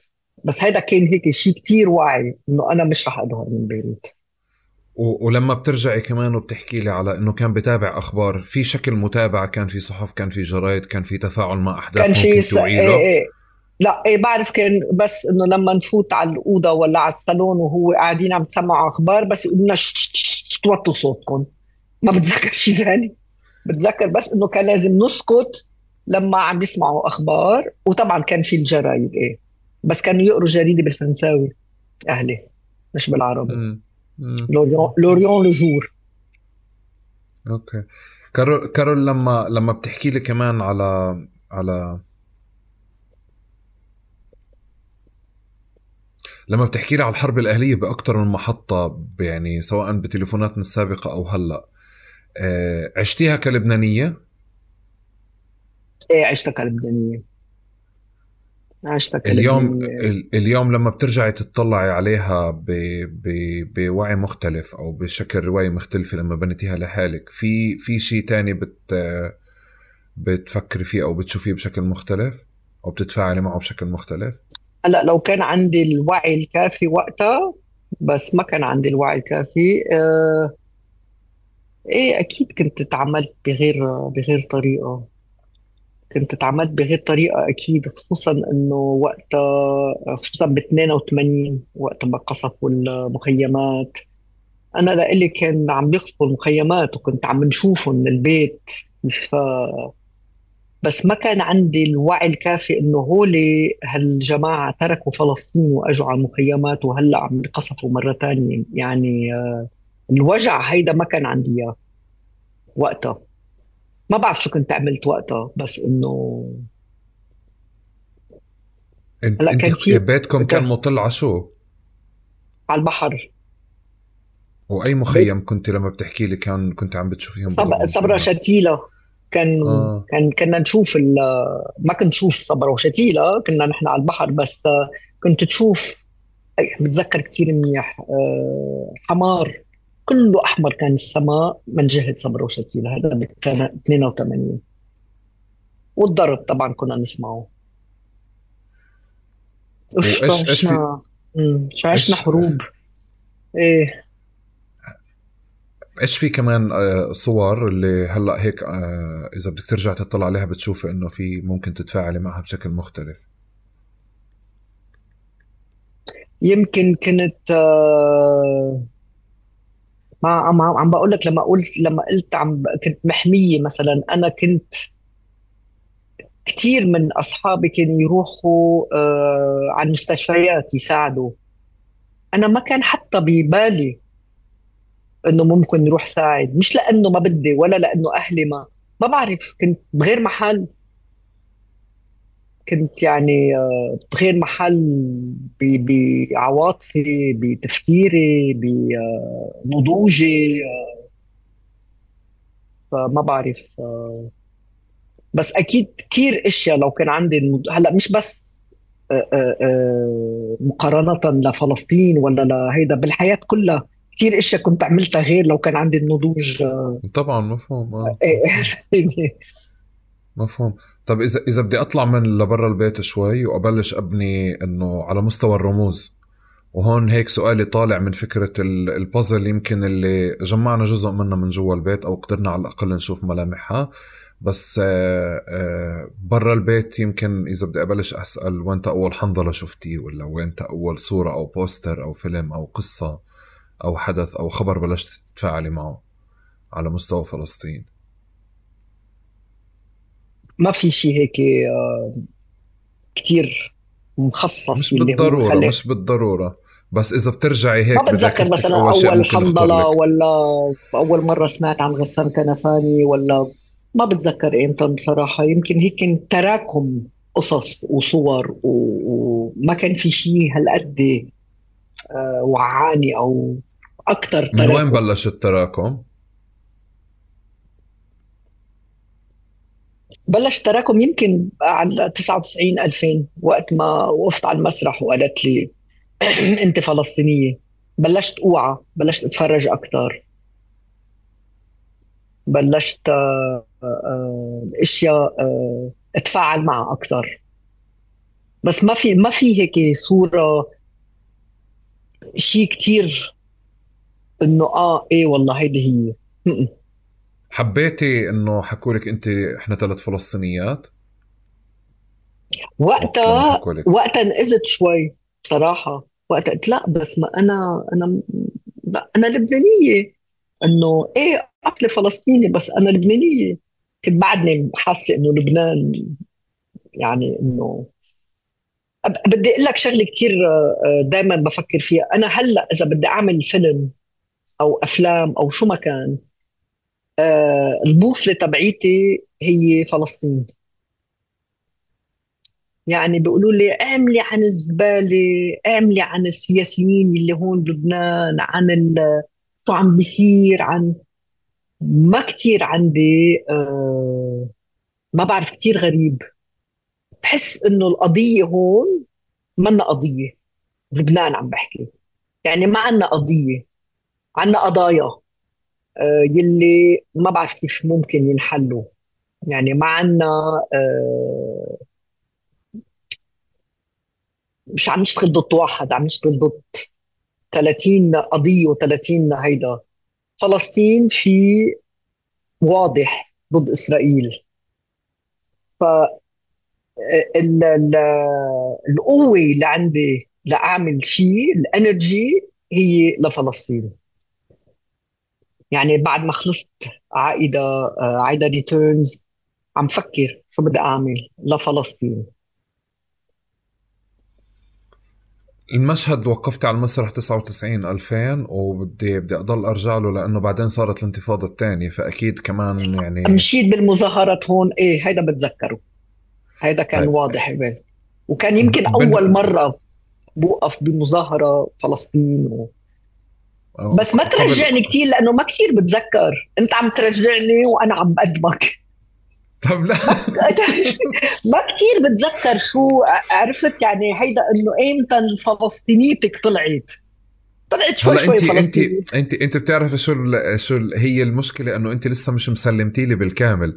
يعني صانعة أفلام أنا عم بعمل شيء مع صانعة أفلام عم بعمل مقابلة مع صانعة أنا أفلام. زي كأنه أحمد آه. إنه آه انت أنا أنت جاي تسألني السؤال الكبير ما ما راح أعرف أجاوبه فزي كأنك مقرر بس أنا عم باخذ إجابات. يعني أنا تمام. إنه عم بالعكس عم عم يعني آه، آه، آه، وراح تنسمع ل للي بيسمع وراح يشوفه. رح يطلع في بازل أو عم تطلع معي أنا بازل كتير ملفتة. مش مش بسيطة.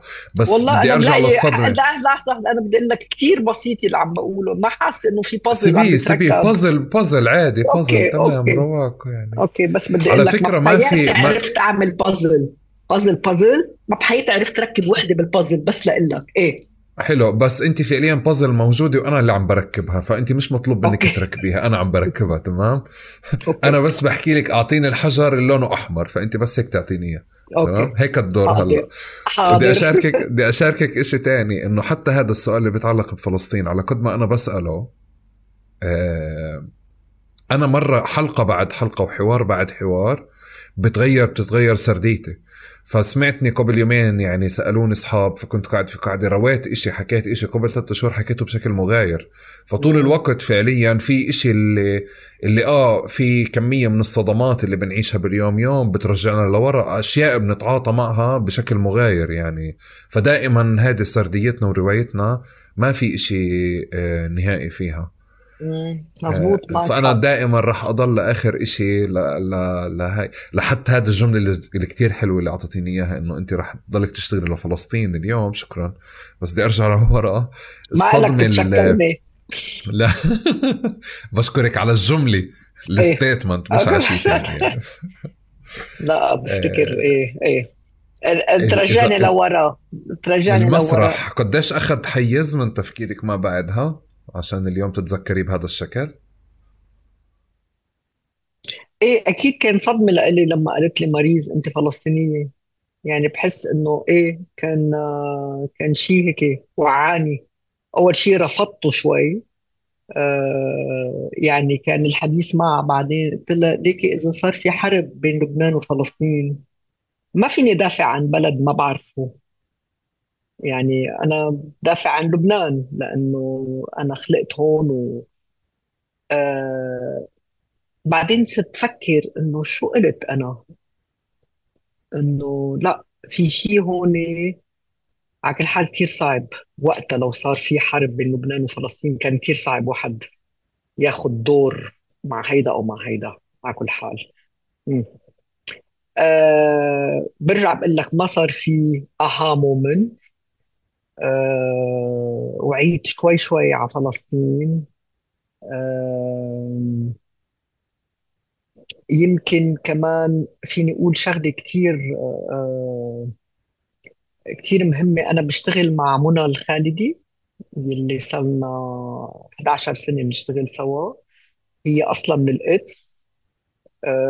و وهي كتير كمان كمان زيادة آه، وعتني. هلا وعي أنا كنت على فلسطين. بس صار كله هيك نشتغل سوا لفلسطين. فما فيني ما فيني جاوبك هيدا اللي وعاني ولا هيدا ما في. sorry ما فيش جواب. أوكي. بعد آه، آه، كم شهر ما بعد هذا المشهد صارت الانتفاضة الثانية؟ أنا امبارح شو اكلت ما بتذكر آه، تقريبا تقريبا كارول تقريبا. إيه إيه هيك شيء بعد كم شهر صارت الانتفاضة الثانية ما بتذكر. آه بعد كم شهر؟ مش هاي باللبناني بتطلع آه، معطى. بالفلسطيني سؤال. إيه باللبناني إيه بعد كم شهر. بالفلسطيني بعد كم شهر. مش عارف مش عارفة والله. مش عارفة ما فيني ك... بتتذكري إنه كان في أي أحداث أي حوارات أي تفاصيل صارت بهديك أبداً. المرحلة بينك وبين حالك أول صور للانتفاضة الثانية تفاعلتي معها أو وصلتك على بيتك؟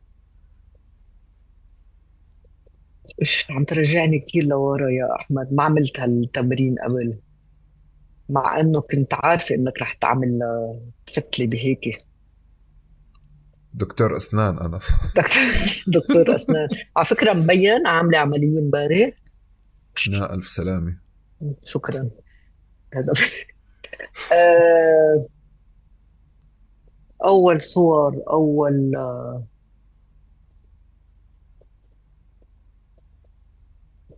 ما فيني ما فيني. ما فيك تبحش أكثر مش لأنه أنا مش عم بسلم حالي. ما ما في شيء ثاني آه، أبحبش فيه. إذا لقيت ببقى بقول لك بعد شوي. ليه طلعتي مظاهرة طيب؟ لا لأنه كانت كل بيروت أول شيء طالعة مظاهرة. يعني أنت ليه طلعتي مظاهرة؟ لأنه آه،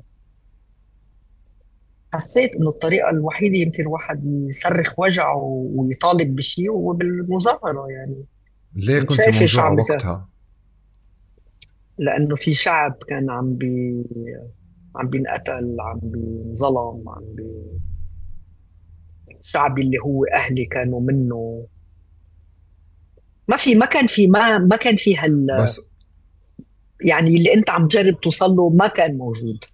مش إنه آه أنا قعدت فكرت إنه هو كان إشياء طبيعية عم بتصير تراكميه آه بعرف بعرف كارول بعرف. آه بطلت تحلليني. وقفة تحلليني وقفة تحللي أنا شو عم بعمل؟ تمام؟ انت معي هون مش هناك يعني. انت هناك هلأ هيك واقفة تحكي لي شو أعمل. بس بس مرة تانية عم تحكي لي هلا إنه إنه أهلك جزء منهم بس هذا الوعي فعليا من بداية الحوار لهلا ما لمسته. وين وين بلش يصير؟ انه إنه في شعب عم بنقتل؟ تمام ما في شعوب كتير عم تنقتل. وإذا بالمسار نفسه تبعك. تمام بس انت عم تحكي لي كنت بمسار تاني تحديدا إنه كان في إشي جنب البيت عندك اللي ما تفاعلتيش معه آه، آه، آه، ما تفاعلتيش معه كيف اليوم ممكن تفكر حالك ممكن تتفاعلي معه. بالانتفاضة الثانية لما صارت أكيد بالوعي بمستوى الوعي اللي كنت واصلتيه هناك كان ممكن تتفاعلي مع هذاك المشهد بشكل مغاير. هلأ عم تطلع معك جملة عم بتقولي لي إنه أهلي منهم أو أهلي جزء منهم بس هون انت لما نزلت تتظاهري مرة تانية. لا لا ما في تناقض بالعكس في إشي في إشي بر يعني بروايتك أنا يعني عم نبنيه سوا. بس لما بتحكي لي إنه أنت نزلتي غضبانة أو آه، آه، ليش مرة تانية شو الصور أو شو القصص اللي أغضبتك أصلا؟ كيف وصلتك؟ كيف تشكل الغضب عندك وقتها؟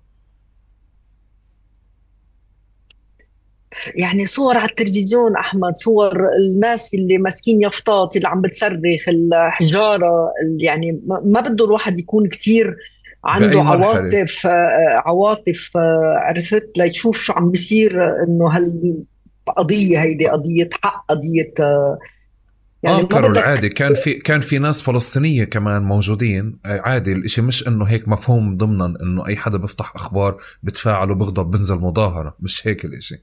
في فلسطينية مثلا اللي موجودين في أمريكا أو الفلسطينيين اللي موجودين في أوروبا تفاعلوا مع فلسطين ومع فكرة فلسطينيتهم بعد 11 سبتمبر بعد الإسلاموفوبيا على سبيل المثال.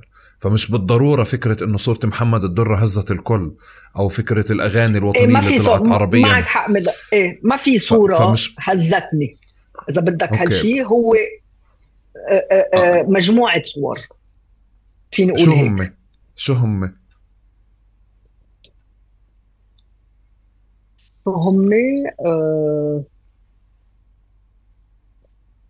بتعرف في كتير آه قد ما صار في آه، آه، ضربات على فلسطين صاروا الصور عرفت؟ كان في الحجارة كان في آه، بني الحيط كان في لما يتوقفوا على على الحواجز كان في عم بفجروا لهم بيوتهم بيطلبوا منهم هن يفجروا البيت الأولاد اللي عم بيموتوا اللي عم تخانق. يعني صور صور صور صور صور. حتى هلأ يعني عم تقول لي قد ما في كمية صور قد ما في كمية آه، آآ آه، غضب يلي هيك عم بيطلع بيطلع بيطلع. ما فيني أقول لك شو هي الصورة وما فيني أتذكر شو كانت هيدي الصورة يلي خلتني أوعى. يعني ما عم بتذكر إذا آه، شو بعرفني تفجير بيت ولا جندي إسرائيلي آه، عم بقوس بعين حدا آه، كان قبل كان بالثمانينات كان بالتسعينات كان هلا كان آه، يعني non stop مش يعني أشياء ما عم توقف. فما عندي صورة واضحة لشو هو يلي هو تراكم صور هو هيك. هي هي فعلا كان كانت الانتفاضة مليانة مزدحمة بصور وكل ما نرجع نطلع عليها بنشوف بنلاقي صورة تانية أو صورة مختلفة. فبنخاف نجاوب عليه. بس مثلا في في في مشاعر بتتذكريها؟ إذا بدي أحكي إنه انسي فكرة الوعي. في مشاعر فعليا تفاعلتي معها بتتذكريها بكيتي في محل حزنتي في محل في إشي أثر فيك آه، بهديك المرحلة بهديك الفترة؟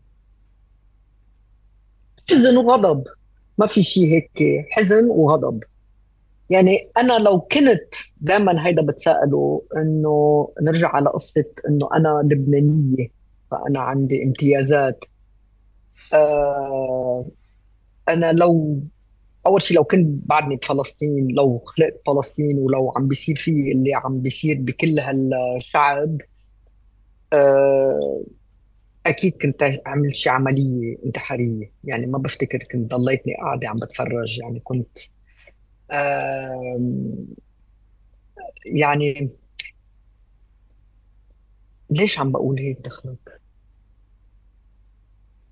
ما بعرف ليه عم بقول هيك. رجعت لأنه الغضب إيه رجعت غضبت يمكن لأنه اللي عم بيصير مش مش مقبول. يعني مش مش مقبول شو عرفني يعني حتى. ما في ما بقى في كلمات أحمد واحد يعبر عن نفسه. يعني واحد مرات واحد كيف حاسة؟ بفضل ضلني ساكتة. شو بدك تحكي؟ شو شو شو ممكن الواحد يقول آه لي آه يمكن أنا بصور ما بحكي. يعني بصور يمكن الناس اللي عم بتعبر عن وجعها الناس اللي عم بتعبر عن حزنها الناس اللي عم بتعبر عن بس يمكن هاي طريقتي أنا أعبر. مني أنا مني من الشخص اللي رح يقعد ويحكي يسرد شو حاسس ومن جوا. كله مني حدا بيحكي حدا بصور بينقل صورة. يلي هي صورتي يمكن. اذا إذا بدي أحكي بالانتفاضة الثانية بدك كنت مخرجة وقتها بالخبرة اللي موجودة عندك اليوم وبدك تنقلي صور أو بدك توثقي شيء ما هلأ آه، إذا بدفعك لهيك سؤال بتقدري تخبريني شو شو ممكن تعملي؟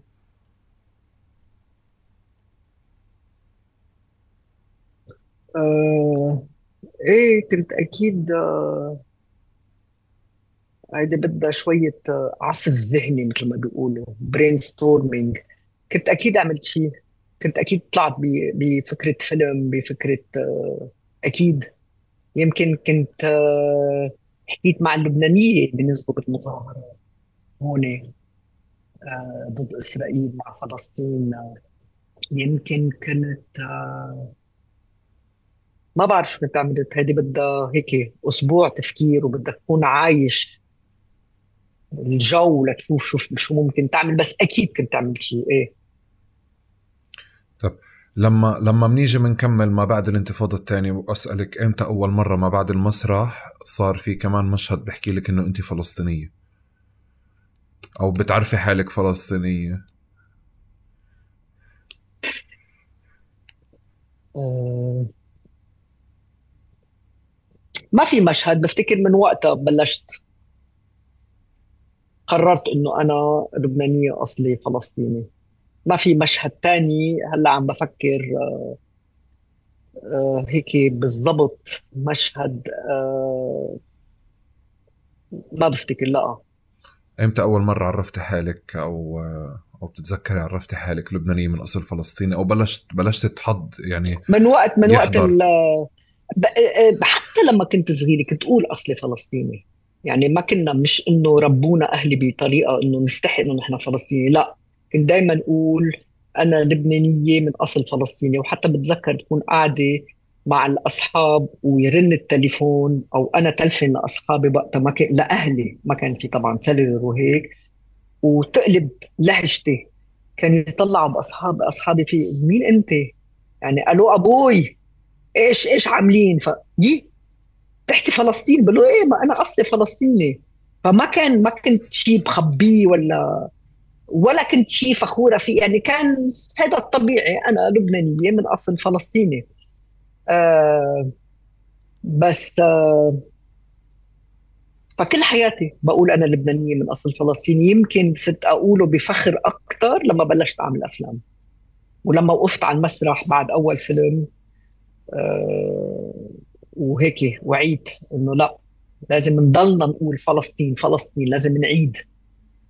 فلسطين فلسطين فلسطين للناس ما تنسى وللناس تضل تقول إيه والله في ناس فلسطينية حوالينا في ناس تعمل أفلام في ناس لأن هيك هلأ برات لبنان بالهيدا بفوت على محل من وين where are you from Palestine بصرخ بكثير هيك. ولا حتى بقول Lebanese. يعني يعني أنت عم تحكي لي إنه هلأ ذكرتي إنه كنت يعني أو تعودتي إنك تعرفي حالك إنه أنت لبنانية فلسطينية بس كل المساحة أو المجتمع اللي كنت عايشة فيه كان يعني بيعزز أكثر لبنانيتك لحد إيه؟ فعليا ما هيك عم نحكي مزبوط يعني بالمدرسة كانوا كلهم لبنانية حوالي يمكن كان في أولاد من أولاد فلسطينية بس ما كان شيء واعي عندي آه، لعبت بالفريق اللبناني آه، مثلت لبنان بال basketball آه، لعبت ping pong كمان كنت ألعب كلبنانية. فلا كنت لبنانية. مثلت لبنان في الباسكت بول أي سنين؟ كرة مثلت لبنان بكرة السلة من يمكن 77 لل 92 ل 93 94 95 95 96 هيك شيء وبالسنين هاي ساهمت أكثر ب... ب... بتعزز لبنانيتك أكثر ما بعرف يعني بتعزز إنه بدي أربح كلبنانيه يعني إيه ما بعرف إذا إنه هيدا كان شيء واحد ما كانش في أي مشهد بالمساحات هذه كلها من المدرسة ل... لحد مثلا الباسكت اللي بيحكي آه، قصة أو أو تفصيل اللي هي ممكن تكون آه، أثارت جدل في راسك أو صدمتك أو صار في ذكر لفلسطينيتك فيها بشكل سلبي؟ ابدا. لا ما ولا مرة صار في موقف وين ما آه، حدا حكي ضد الفلسطينية ولا انزعجت ولا حسيت إنه في قهر ولا في لا.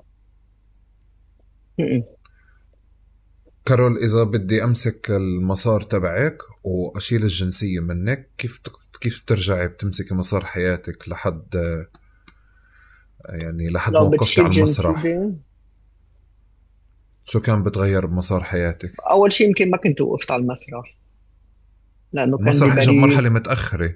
لا لأنه كان بباريس. يمكن لو ما عندي وراء ما كان فيني أروح على باريس لو يعني كان كله تغير. بس بس قصدي هذا بمرحلة كتير متأخرة. إيه؟ بدي ارجع لمرحلة كتير بدري. من عند المدرسة يمكن؟ ما كنت. يعني لو ما عندي كل هالامتيازات هيدا اللي عم بتقوله. لأنه لو لا ما عندكش امتياز الجنسية مش كل هالامتيازات ما هيدا امتياز الجنسية ما هو بيروح لك كل اللي ما عندك جنسية وأنت فلسطيني وعايش بلبنان بدك تكون بمخيم آه، ما عندك آه، الوصول على أي شيء. يعني فلا حطيتني بمحل تاني. يعني الامتياز الجنسي امتياز الجنسيه هو الامتياز. يعني شي محل. فيني كيف مسار حياتك كان ممكن يكون من غيره؟ لما بتقولي لي حطيتك بمكان تاني؟ ولا مرة فكرت فيه. ولا مرة فكرت لشو هلا تعملني ترجعني على شي مخيم ولا بالشوب وبال لا ما بدي أرجعك على شيء مخيم بدي أجرب أشوف مسار يعني كيف كيف كيف قديش الجنسية هاي غيرت منحى حياة حدا غي... بشكل غيرت... مختلف يعني. غيرت كل كل منحى حياتك عن شو غيرت؟ يعني. شو عن شو غيرت؟ شو كان ممكن تكون حياتك من غيرها؟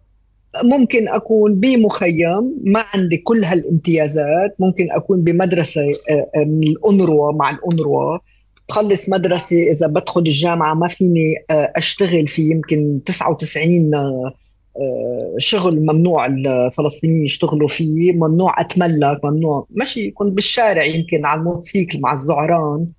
آه، ما في ما فيني أتخيل ما بفتكر كنت عملت أفلام أو يمكن كنت عملت أفلام يمكن هيدي الوسيلة الوحيدة يمكن واحد يعبر عن حاله.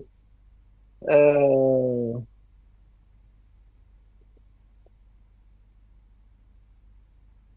ما ما عندي ما يعني بفضل شوف حالي وهيك. بفضل تشوفي حالك هيك.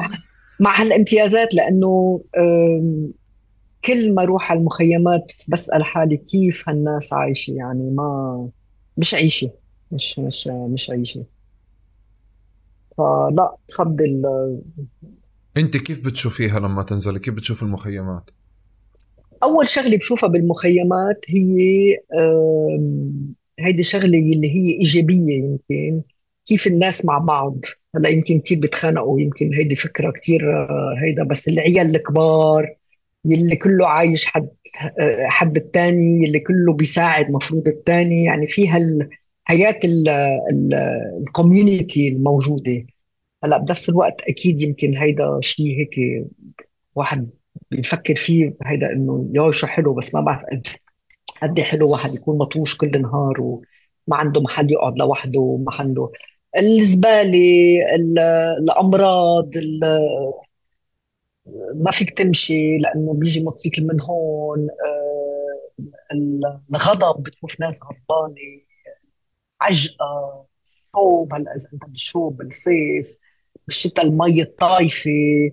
الناس اللي مش طايقة حالها ولا أنا لما بفوت بكاميرا كثير مرات ببلشوا إنه الكاميرات بتيجي وبتصور وبتهيدا بقول لهم والله معكم حق بس أكثر بنصور أكثر فينا نوصل صورة معلش ما تواخذونا ما ت... ف يعني حياة لاجئ حياة لاجئ حياة لاجئة. اللي ما بفتكر حدا بحب يكون موجود بهالوضع يعني. وكارول باكثر من سياق من من من أول الحوار بتضلك تحكي أو بتذكري على موضوع الامتيازات بس إمتى يمكن هيك بلشت توعي لأنه آه أنت عندك امتيازات أو عندك امتياز الجنسيه بتعرف هلأ كل امتياز الجنسيه ولا مرة فكرت فيه أنت وهذيك مرة على التليفون حكيت لي عن جنسية قلت والله عندي امتياز كثير كبير. بس ما ما فكرت إنه آه لأنه عندي جنسية ولا مرة عملت هالتمرين براسي لو ما عندي جنسية لبنانية شو كان صار فيي. هلأ بكرة بتمرن وبرجع ببعث لك مسج بقول لك شو كان صار فيي. بس آه الامتيازات بفتكر آه آه كل حياتي كل حياتي وعيت آه أهلي ربونا بطريقة إنه عندكم امتيازات واشكروا هو ايفر ربكم ما بعرف إذا في رب بس يعني فمؤخرا مؤخرا أنا صار عمري 62 سنة. بفتكر صرت هلأ كثير أقدر الامتيازات اللي عندي. وبخاف يروحوا. الامتيازات حتى الأصحاب حتى يعني هول الحب والحنان اللي حواليك. أنا لاني هيدا امتياز. عندك سقف آه، فوق راسك. عندك عم تاكل عم بتقدر تسافر من وقت لوقت. كل هيدا امتيازات. وما بعرف إذا هيدا العمر ولا النضج ولا بس كل يوم في الصبح بقول تذكري شو عندك امتيازات وبلا نق فيلم عايدة. فيلم عايدة؟ هلا بدنا نفوت بفيلم عايدة؟ لا ما بدنا نفوت فيه بدنا نحكي عنه. ليه قررت تعمليه؟ قررت أعمله لأنه آه، آه، شو بيقولوا؟ تو آه، honor. شو بيقولوا؟ honoring somebody. honoring أعطي الشرف أو أشرف إيه أو هيك أشرف أو إيه أو للوالدة. هلأ أنا قلت إيه أنا قلت ما كان قصدي أعمل فيلم ما كانت الفكرة أعمل فيلم بس كثير مبسوطة إنه آه باللي عملته كان فيني أعمل كل هالشيء بلا ما يكون فيلم. وأرجع الوالدة على فلسطين مثل ما صار بلا ما أصور. آه بس بحس إنه الناس لازم تعرف إنه آه، هيدا الفيلم حتى بيحكي مش بس للفلسطينيين ولا العرب. يعني أنا فرجيته لأجانب ما عندهم ولا فكرة شو عم بيصير بفلسطين آه، طلع معهم كثير أسئلة اللي هو كثير حلو. إنه ليش ما فيك ترجع أنت؟ وهو هيدا هيدا القصد الفيلم كمان شوي يسأل هالأسئلة. إنه طب ليه أنت ما أنت خديها لأمك؟ وليه ما فيها هي ترجع كانت؟ وليش هربتي آه، آه، مش إنه بس هيك آه، فوتت الرماد معك بهالأسئلة اللي عم تنطرح من وراء الفيلم كثير حابة تضلها تنطرح. يعني حابة أكثر عدد ناس حتى العربي اللي ما بقى عندهم أي صلة مع فلسطين شوي هيك يعمل لهم كليك براسهم.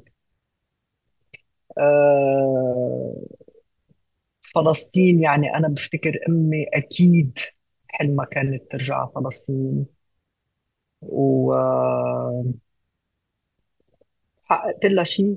حققت لها ما بعرف. حققت شيء حاسة إنه حققت شيء. بال... بالصور والمشاهد أنا كيف شفت إنه في مرحلتين يمكن في مرحلة آه كنت انت كمخرجة كحدا بيشتغل في القطاع وبصور صح؟ وبعدين في حدا اللي أخذ قرار إنه بده يعمل فيلم فصار يصور لأجل الفيلم. في هيك شيء؟ لا المرحلة الأولى اللي كنت أنا عم بصور فيها هي وهي ومريضة ما كان في قرار. ما كان بدي أعمل فيلم. ما لا لا ما كنت ما كنت عم بلعب مخرجة.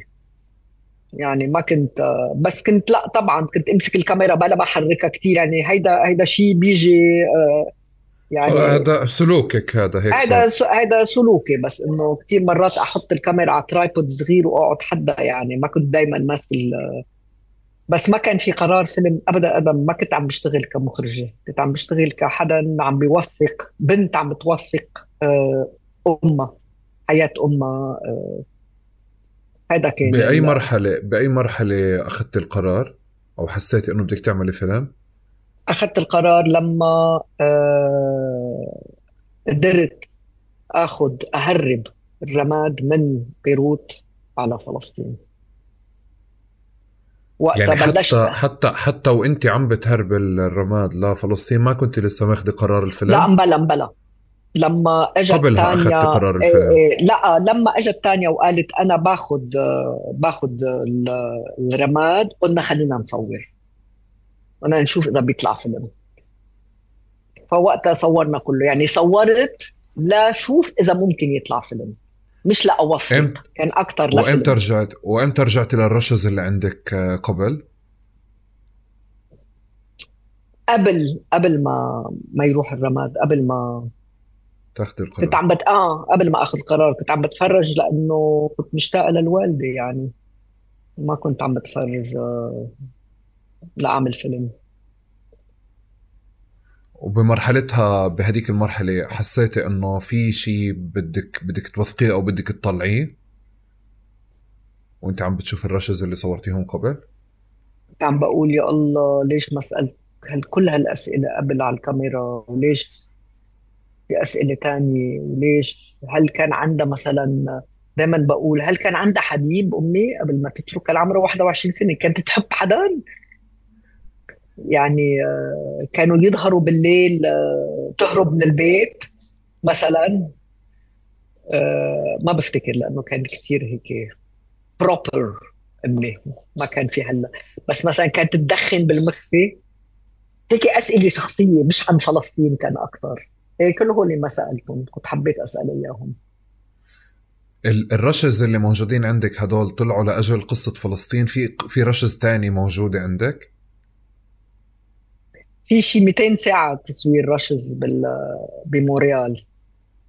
يعني كتير أخذني وقت آه، مونتاج لأنه أنا كنت أحط الكاميرا و... وضلني عم بتحدث معه.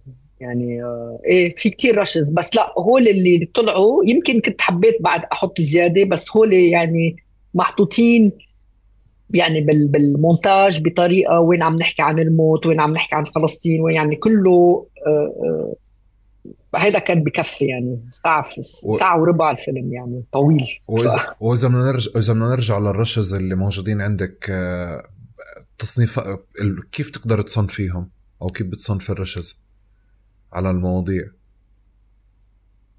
حكي عن الموت. كان هيدا واحد من ال segments آه، قد إيه ما كان بدها تموت هي. كانت معلقة بالحياة وكانت خايفة من الموت.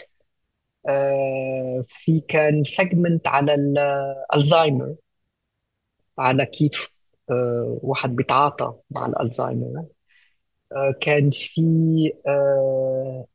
قصصها مع فلسطين. هي عم تحكي عن فلسطين. كان في عدة segments كان في عن أهلها. لما تحكي عن أهلها.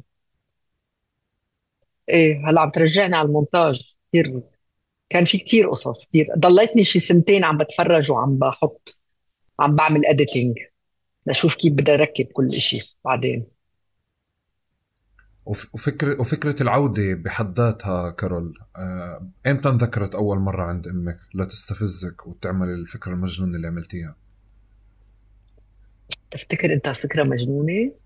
طبعا آه مجنونة. لا لا كيف؟ بالعكس. هلا بدنا نحمس الجميع يرجعوا فلسطين. عايشين ولا ميتين؟ طيبين.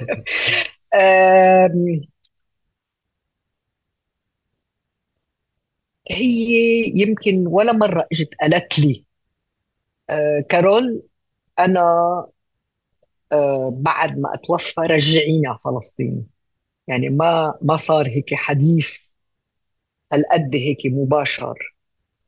بس بعرف إنه كانت لما تحكي تقول يا الله يا ريت فيني أرجع على فلسطين ولا بحب موت بفلسطين ولا هيدا كان قبل ما تمرض عم بحكي. ف اجت الفكرة من من قد إيه هي وصلت لي فكرتها إنه بتحب تعود على فلسطين ترجع على فلسطين يعني. ما صار في طلب هي ومريضة تقول لي بليز رجعينا فلسطين لا ما صار هيك. صار من وراء الأحاديث اللي قبل ما كانت مريضة تقول لي قد إيه بتحب ترجع على فلسطين. فهيدا اللي خلاني ارجعها فلسطين. وأول مرة طرحت الموضوع هذا على مين؟ ارجعها فلسطين؟ بهذا الشكل آه. منى منى منى الخالدي اللي بنشتغل سوا.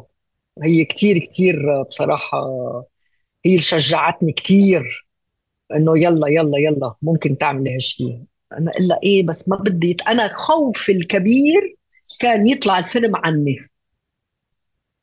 أكبر خوف إنه يابا هيدي قاعدة عم تحكي عن حالها.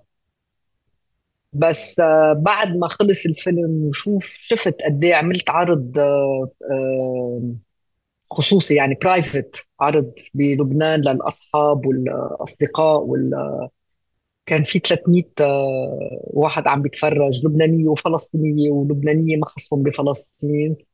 حسيت قد إيه هالموضوع يونيفرسال يعني منه مش من الشخص طلعت لبرا. وهيدا اللي هيك طمني إنه مش عم بحكي عن حالي عم بحكي عن كل إنسان آه عنده شوية وعي كل لاجئ كل فلسطيني كل لاجئ غير فلسطيني اللي هن بكندا الهنود ولا كل هولي بعرف إنه ممكن يشوفوا حالهم بهالفيلم يشوفوا مش حالهم يشوفوا نفسهم بهيك وضع. فهيدا هاي الشيء كثير ريحني لأنه حتى لما فرجيت أخوي الكبير اللي هو بيعمل كثير موسيقى كان بدي هو يشتغل لي على الموسيقى فرجيته قبل كان بعده هيك كثير درافت طلع فيه قال لي شو عم نعمل فيلم عن العيلة. مين رح يهتم؟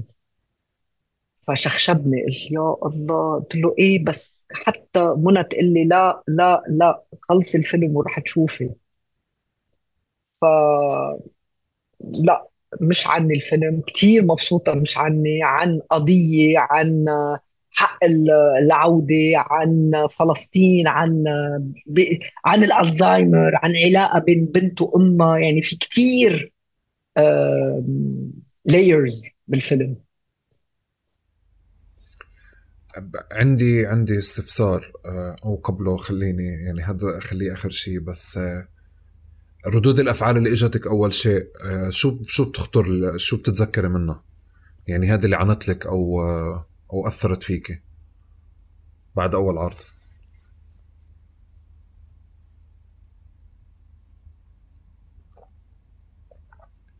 يعني وصل لي رسالات على التليفون قد إيه؟ هلأ هذا كان بي بي من ست شهور. في ناس لهلأ بتشوفني على الطريق بتقول لي بعدني عم بفكر بالفيلم وبكل هال آه ما بعرف شو عنالي يعني بس هيك مسجز طوال قد إيه الفيلم من جوا وقد إيه أثر فيهم وقد إيه آه شو حلو اللي عملتيه لأمك كيف رجعتيها وكيف آه كان في محل كتير حلو يعني في ال ال ال ولا محل بهالفيلم آه، آه، في نقد على إسرائيل. يعني ما في بس نفس الوقت آخر الفيلم يعني ما بعرف إذا فيك تحط هيك شيء بس فيك تعمل بيب إذا بدك بالمونتاج بعدين. تعمل خدو للإسرائيلية. آه فينا نشيل هيدي المقطع بس. عرفت حدا قال لي عملتي لهم اكبر معبود فهيك خي شو حلو. هو هو كمان في إشي مميز إنه بالعادة إحنا يعني لازم نذكر رموز احتلال. فأنا لإلي كمان جزء من الأشياء اللي صارت تلفتني اللي هي مش ما ما بدي رموز تقليدية. أنا بطلت بدي أشوف جدار. بطلت بدي أشوف ال الشكل الاجتهاد بإنك تعمل نفس الجب العسكري وإنت صعب عليك جدا تعمل نفس الجب العسكري يعني تسوي زيه. فوصولا عند محل صرت أقدر كتير بالأفلام أو المشاهد اللي بشوفها اللي هي فيها مرور الكرام عن الجدار يعني هيك. بس أكيد. كمان صرت أنبسط أكثر لما ما بنحكي عن الاحتلال بشكل مباشر. يعني ما ما من هو آه تمام عم نحكي بهالفيلم عفوا. آه ما بنستحضر رموز الاحتلال بشكل مباشر لأنه يعني آه، مجرد الرواية الشخصية وهذا بالمناسبة كارو اللي بحاول أعمله دائما في تقارب إنه مجرد الرواية الشخصية تبعتنا من غير استحضار فكرة آه، جب الاحتلال أو أو شهيد أو أسير أو أو اللي هي خليني أحكي الصور الأوضح لشو يعني احتلال. بت بتخلينا نحكي عن عن آثاره بشكل يعني مش بشكل يعني بشكل كتير آه، بأثر. يمكن اليوم مع كثرة الصور اللي طلعت آه، مؤثر أكتر من إني أستحضر صورة كيف تم تهجير أهلك. مم. يعني أنا تواصلت مع شو خسروا أهلك ب... من غير ما تحكي له شو خسروا أهلك. مم. آه، يمكن أنت كنت عم بتحاولي تعكسي فكرة أنه أهلك كانوا عايشين عيشة لطيفة. فأمي كانت بتحكي عن عن بيتها وكانت تحكي عن العز اللي عايشة فيه. مجرد لإلي كمان إني أشوف كمية الصور نوعية الصور المصورين اللي كانوا يصوروا أهلك نوعية المناسبات اللي كانوا موجودين فيها حتى برجعني لمحل اللي ب... بخليني آه، يمكن أميل للصورة مش السائدة عن الفلسطينيين بأنه عمومنا إحنا كنا فلاحين أو فقراء أو تعبانين. وطلعنا بدنا نغير بدنا نغير قطعتين. آه. مش يعني النقاط بفكر أنا مش مش لازم أنشغل بقضية التغيير بقدر ما إنه كمان في قصص تانية لازم تحضر من غير ما تشعر إنه هي طبعاً. قصص استثنائية هي كمان قصص موجودة. لا هو كمان لازم نغير أحمد. لازم نغير لأنه بتشوف آه، آه، بعد هيدا Stitching Palestine خيوط السرد أول هيدا الفيلم خلص من شي ست سنين. بعده لهلأ هيدا الفيلم عم بيبرم بكل بالمهرجانات بالجامعات بال بيجينا طلب على الإيميل please بدنا نفرجي Stitching Palestine نحن بنكون على الزوم بالفيلم بالهيدا. لأنه ما بيفرجي هالصورة يلي زهقنا منها يلي وحدة قاعدة ولد نازلة مخطه آه، قدام آه، تحت وراء كله شحبار وراء آه، خيمة ولا هيدا. خلص لا لازم نعمل نشتغل على تغيير هيدي الصورة. يعني فرض هي فرض. هي هي أنا أنا أنا بتفق معك إنه لازم يكون في دائما أكثر من شكل عرض يعني طبعا دائما بس, بس ما هداك العرض موجود. تبعتنا.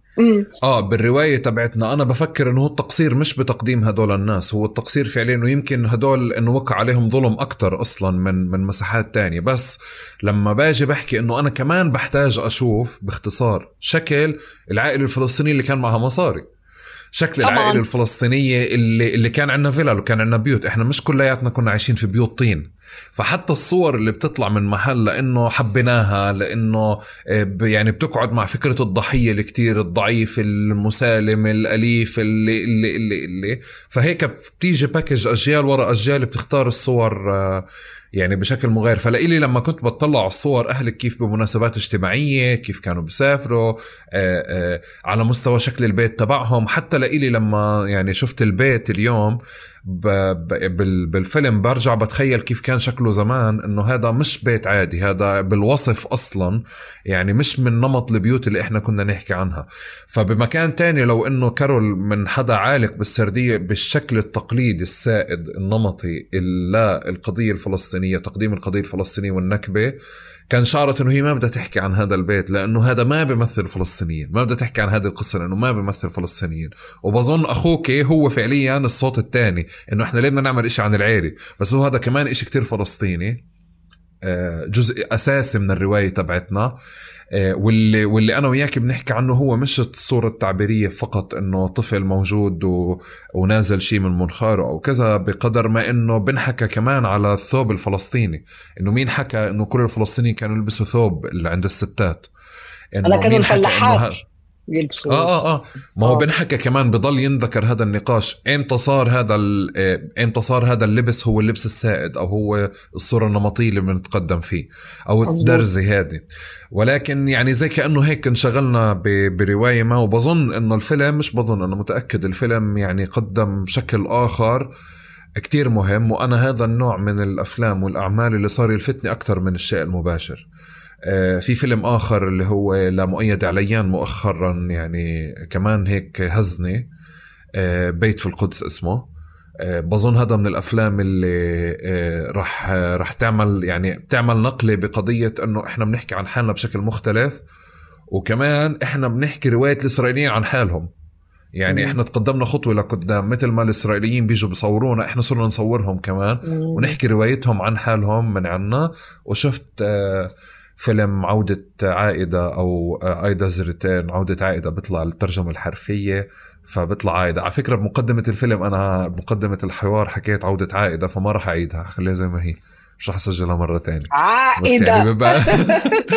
راح يبان راح يبان إنه مش عاي... مش مش عايدة's return عايدة returns عايدة عايدة بترجع. returns إيه يعني عرفت كيف؟ okay okay okay مم.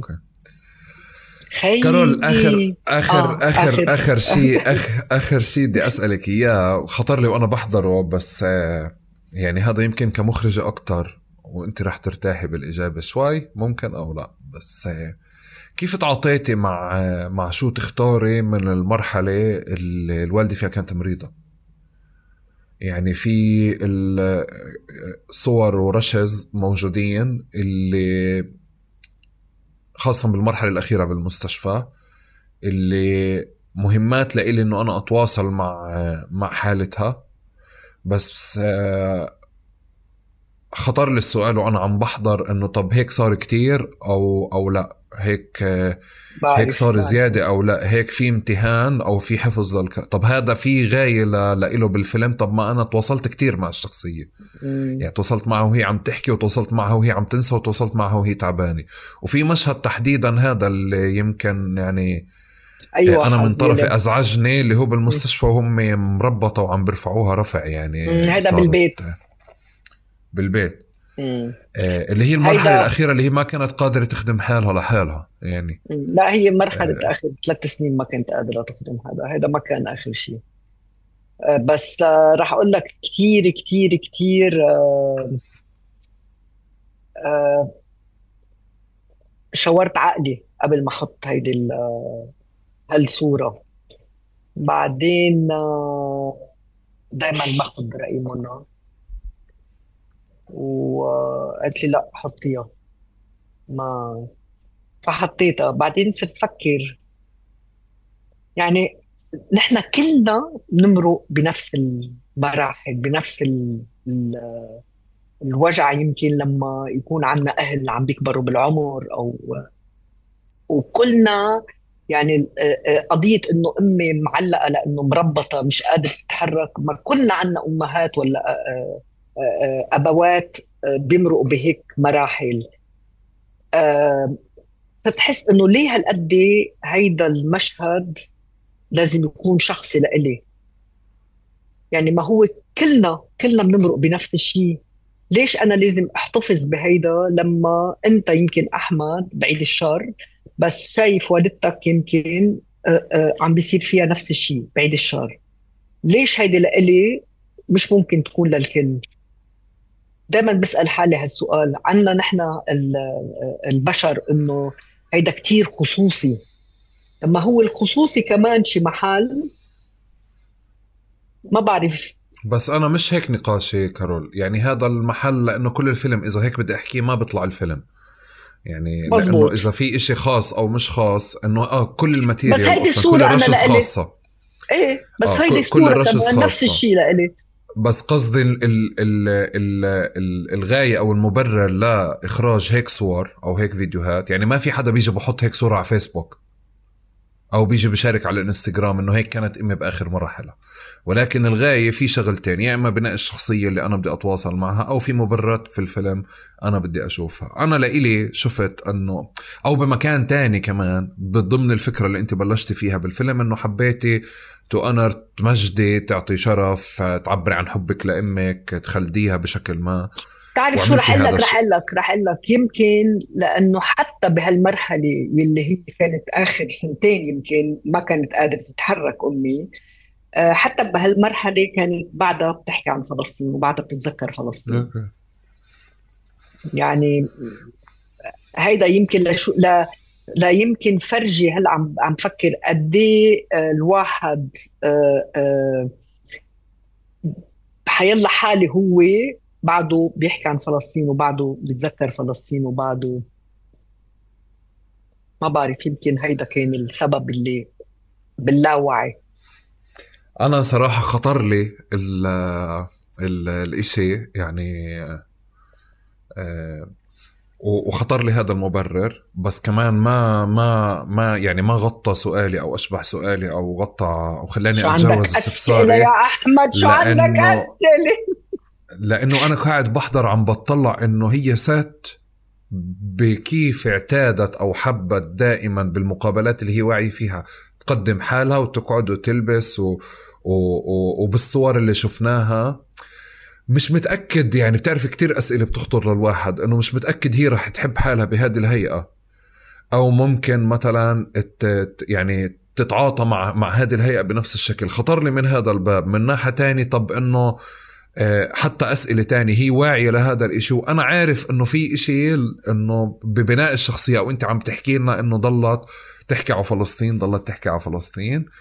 بس في إشي بمحل حتى وأنا حابب إنه قديش عم بتخليني أتواصل صار صار أزعج يعني مش أزعجني أنا كمتلقي لإلي بقدر ما إنه في نقاش انفتح عندي ما عرفت أتجاوزه يعني ليك ولا أنا؟ الفيلم وهو قاسي. هلا هلا هلا عم عم عم تحكي. أنا يمكن آه آه، الوالدة يمكن ما كانت حبت آه، ما بعرف تفرجي حالها هيك.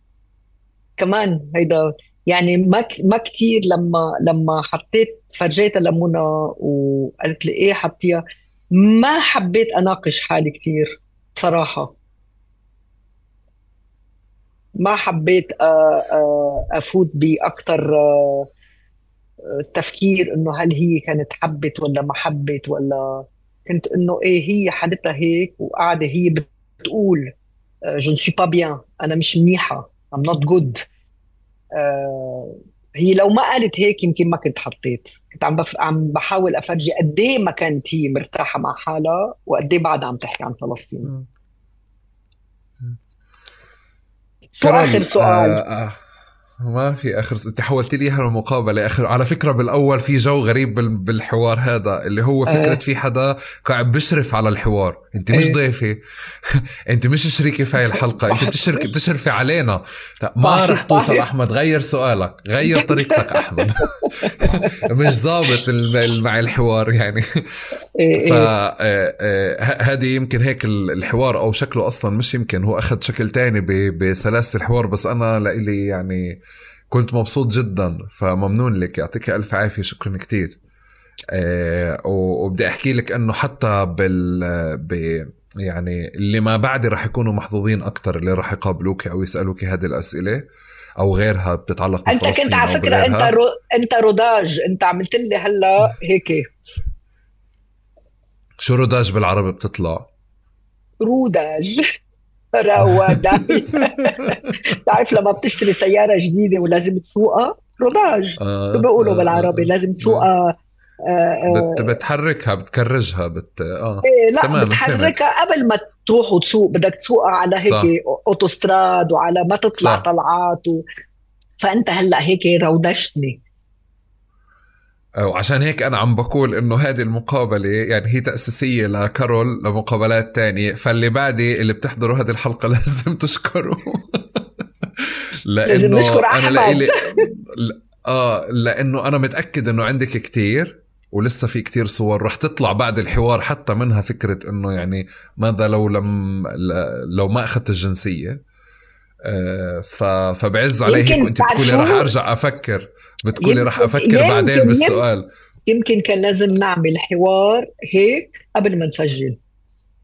لا ما كانش ما كانش ما كانش ما كانش رح يطلع. أصلا أنت ما كنت رح تتعاطي معه هيك. وأنا بس بدي أحكي لك إحنا مرتين خضنا هذا الحوار بهذا الشكل. والله؟ يعني اليوم هذا الحوار طبعا إحنا عملنا تليفونين وأنا حكيت لك على موضوع إنه موضوع التجنيس والمسار وكذا وتنصدمي إنه أنت بدك عن جد تسألني ف... فلا فلإلي يمكن هي شخصية المخرج طغت على شخصية الضيفة كمان شخصية كارول شو هي اليوم أو وين واقف اليوم طغت على أشياء تانية. بس لإلي هذه يعني هذه الصور كلها أنا محظوظ إنه إنه يعني وصلت أو قدرت أوصل لهذه الصور. وشكرا عن جد إنه مش بس بفيلم عايدة أو عائدة آه، أنا بدي كمان أشكرك. بكل بكل بكل هذا الحوار كارول عنالي كتير إنه أشوف يعني حتى أسئلة على مستوى سياسية على مستوى اجتماعية بتخص اللجوء بتخص التجنيس. آه، من بعد ما عرفت عن قصتك أو عن تفاصيل في قصتك صرت أشوفها بشكل مختلف. آه والله. ولإلي يمكن استفزنا السؤال. آه, آه ما هي هاي المشكلة إنه إحنا على فكرة الفلسطينية أنتم هذا الجانب الفلسطيني فيك فيش أمل منكم يعني. كل واحد فيكم بتطلع على قصته إنه عادي قصة زي كتير أنا يعني شو هالشيء المميز؟ لا بصراحة الكل هيك بتعامل. المفروض كل الناس بتعامل هيك. هيك. إيه إنه شو آه الكل الكل بتعامل هيك مزبوط. آه عشان هيك ما حدا بوثق يعني ما عم نحكي ما حدا بيجي بيعطي تفاصيل. فهمتي؟ إنه والله اعتقلوني. طيب آه كيف اعتقل عادي زي ما بيعتقلوا الكل. لا حبيبي مش زي ما بيعتقلوا الكل. ما في format واحد لاعتقال الكل. ما في format واحد للجوء عن جد هاي مشكلة بالتوثيق يعني. مشكلة عم بشوفها كل مرة بتقارب. إنه تقنع الضيف إنه أنا مش جاي أمجدك شخصيا ولا جاي أقدرك ولا جايين نبروز صورتك. الغاية فعليا جانب من من من تكميل رواية أو بناء رواية كبيرة قائمة بالأساس على رواياتنا الشخصية الفردية. ف... فلإلي أنا اللي شفته اليوم إنه حتى مع نموذج تاني لكيف تشكلت جانب من هوية فلسطينية متأكد في صور تانية رح تطلع وتكمل معك أكتر. بس مغايرة.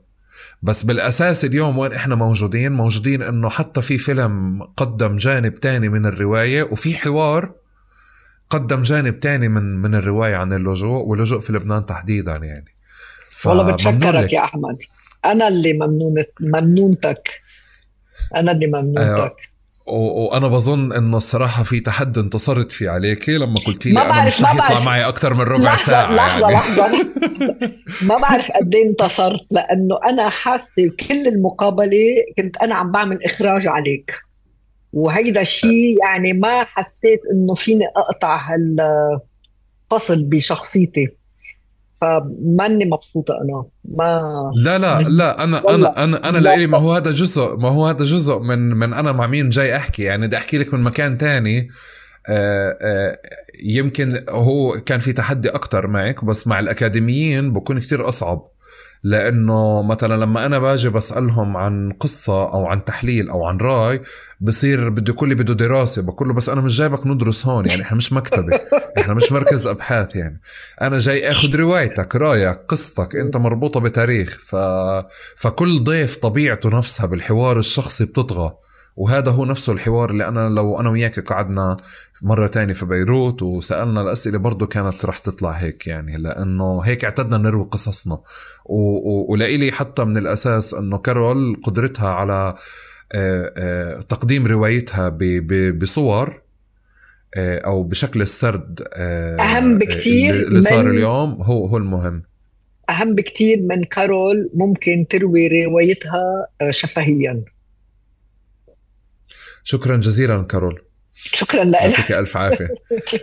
شكرا أحمد. شكرا. شكرا شكرا. لكم جميعا. آه ثواني. آه شو بتحبي؟ شو كيف بتحبي المقلوبة؟ أنت أخرجتي لدرجة نسيتين آه السؤال الأساسي في الحلقة. الله. أنت شو كان السؤال؟ بحب المقلوبة ولا ما بحب المقلوبة؟ بتحب المقلوبة ولا لا؟ بحب المقلوبة بس منا صحن كانت عنا بالبيت مهم. يعني ما كان شيء الوالدة ما كانت تطبخ؟ بلا كانت تطبخ كتير. بس يعني أنا مثلا بتذكر أكثر الوالدة عم تطبخ ملوخية مصرية آه، كباب لبن آه، يخنة لوبيا آه، كان في مقلوبة بس ما كانت هالقد مهمة مثل ما أنت عم تعطيها الأهمية. سو بحب المقلوبة بس أهمية؟ هلا هلا من وقت ما بلشت اتسمع عليك صرت عم بعطي أهمية للمخلوبه شكرا. شكرا كيف بتحبيها؟ كيف بتحبيها؟ مقلوبة بحبها. خلص تمام فهمت. انت مالكيش على المطبخ. لا. ماليش على المطبخ. ليش؟ كيف بس عندي سؤال. كيف ممكن الناس تحبها خلص خلص انتهى. لا لا بدي أعرف. لا لا والله والله كيف ممكن الناس تحبها باذنجان فوق ولا أكثر باذنجان ولا شو شو الممكن؟ انت لا انت فيش أمل فيكي في المطبخ. لا انتهى. أنا ما في أمل. إيه إيه ما في أمل. إذا بتسأليني هيك السؤال وأنا فيش أمل فيك في المطبخ. okay okay. شكرا شكرا لك. مرة جاي لما تيجي على بيروت أحمد رح أطبخ لك مقلوبة. وأنا موافق. باكلها بهيك باذنجان فوق وكذا layers مصفط. دفتر هندسي ما هو. الله معك أحمد. شكرا جزيلا. يعطيكم ألف عافية. شكرا جزيلا لكم شكرا على آه، الاستماع والمشاهدة. بتمنى آه، تكون آه، وشكرا مقدما على كل المتابعة والمشاركة هذا المحتوى الاشتراك في القنوات. وكمان دائما على مشاركتكم أسئلتكم مقترحاتكم للضيوف مقترحاتكم للمواضيع.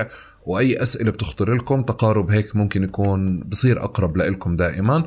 آه، حوار اليوم آه، على مستوى شخصي آه، عنالي كتير وبتأكد رح يعني لكتير ناس فيكم اللي خلانا نطلع على أو نرجع نطلع على روايتنا الفلسطينية رواية اللجوء رواية الهجرة من زوايا مختلفة وبأشكال متعددة. اليوم أحد الأشكال غير السائدة أو غير المقدمة أو مش واحد من الصور النمطية اللي بينحكى عنها آه، بشكل دائم. فسعيد في تقارب إنه قدرت أقدم هذه الصورة اليوم وبتمنى كمان إنه آه، تلقى عندكم أو تمسكم وتوصلكم بكيف وصلتني شكرا جزيلا لكم ونلقاكم في آه، تقارب وحوار آخر. شكرا.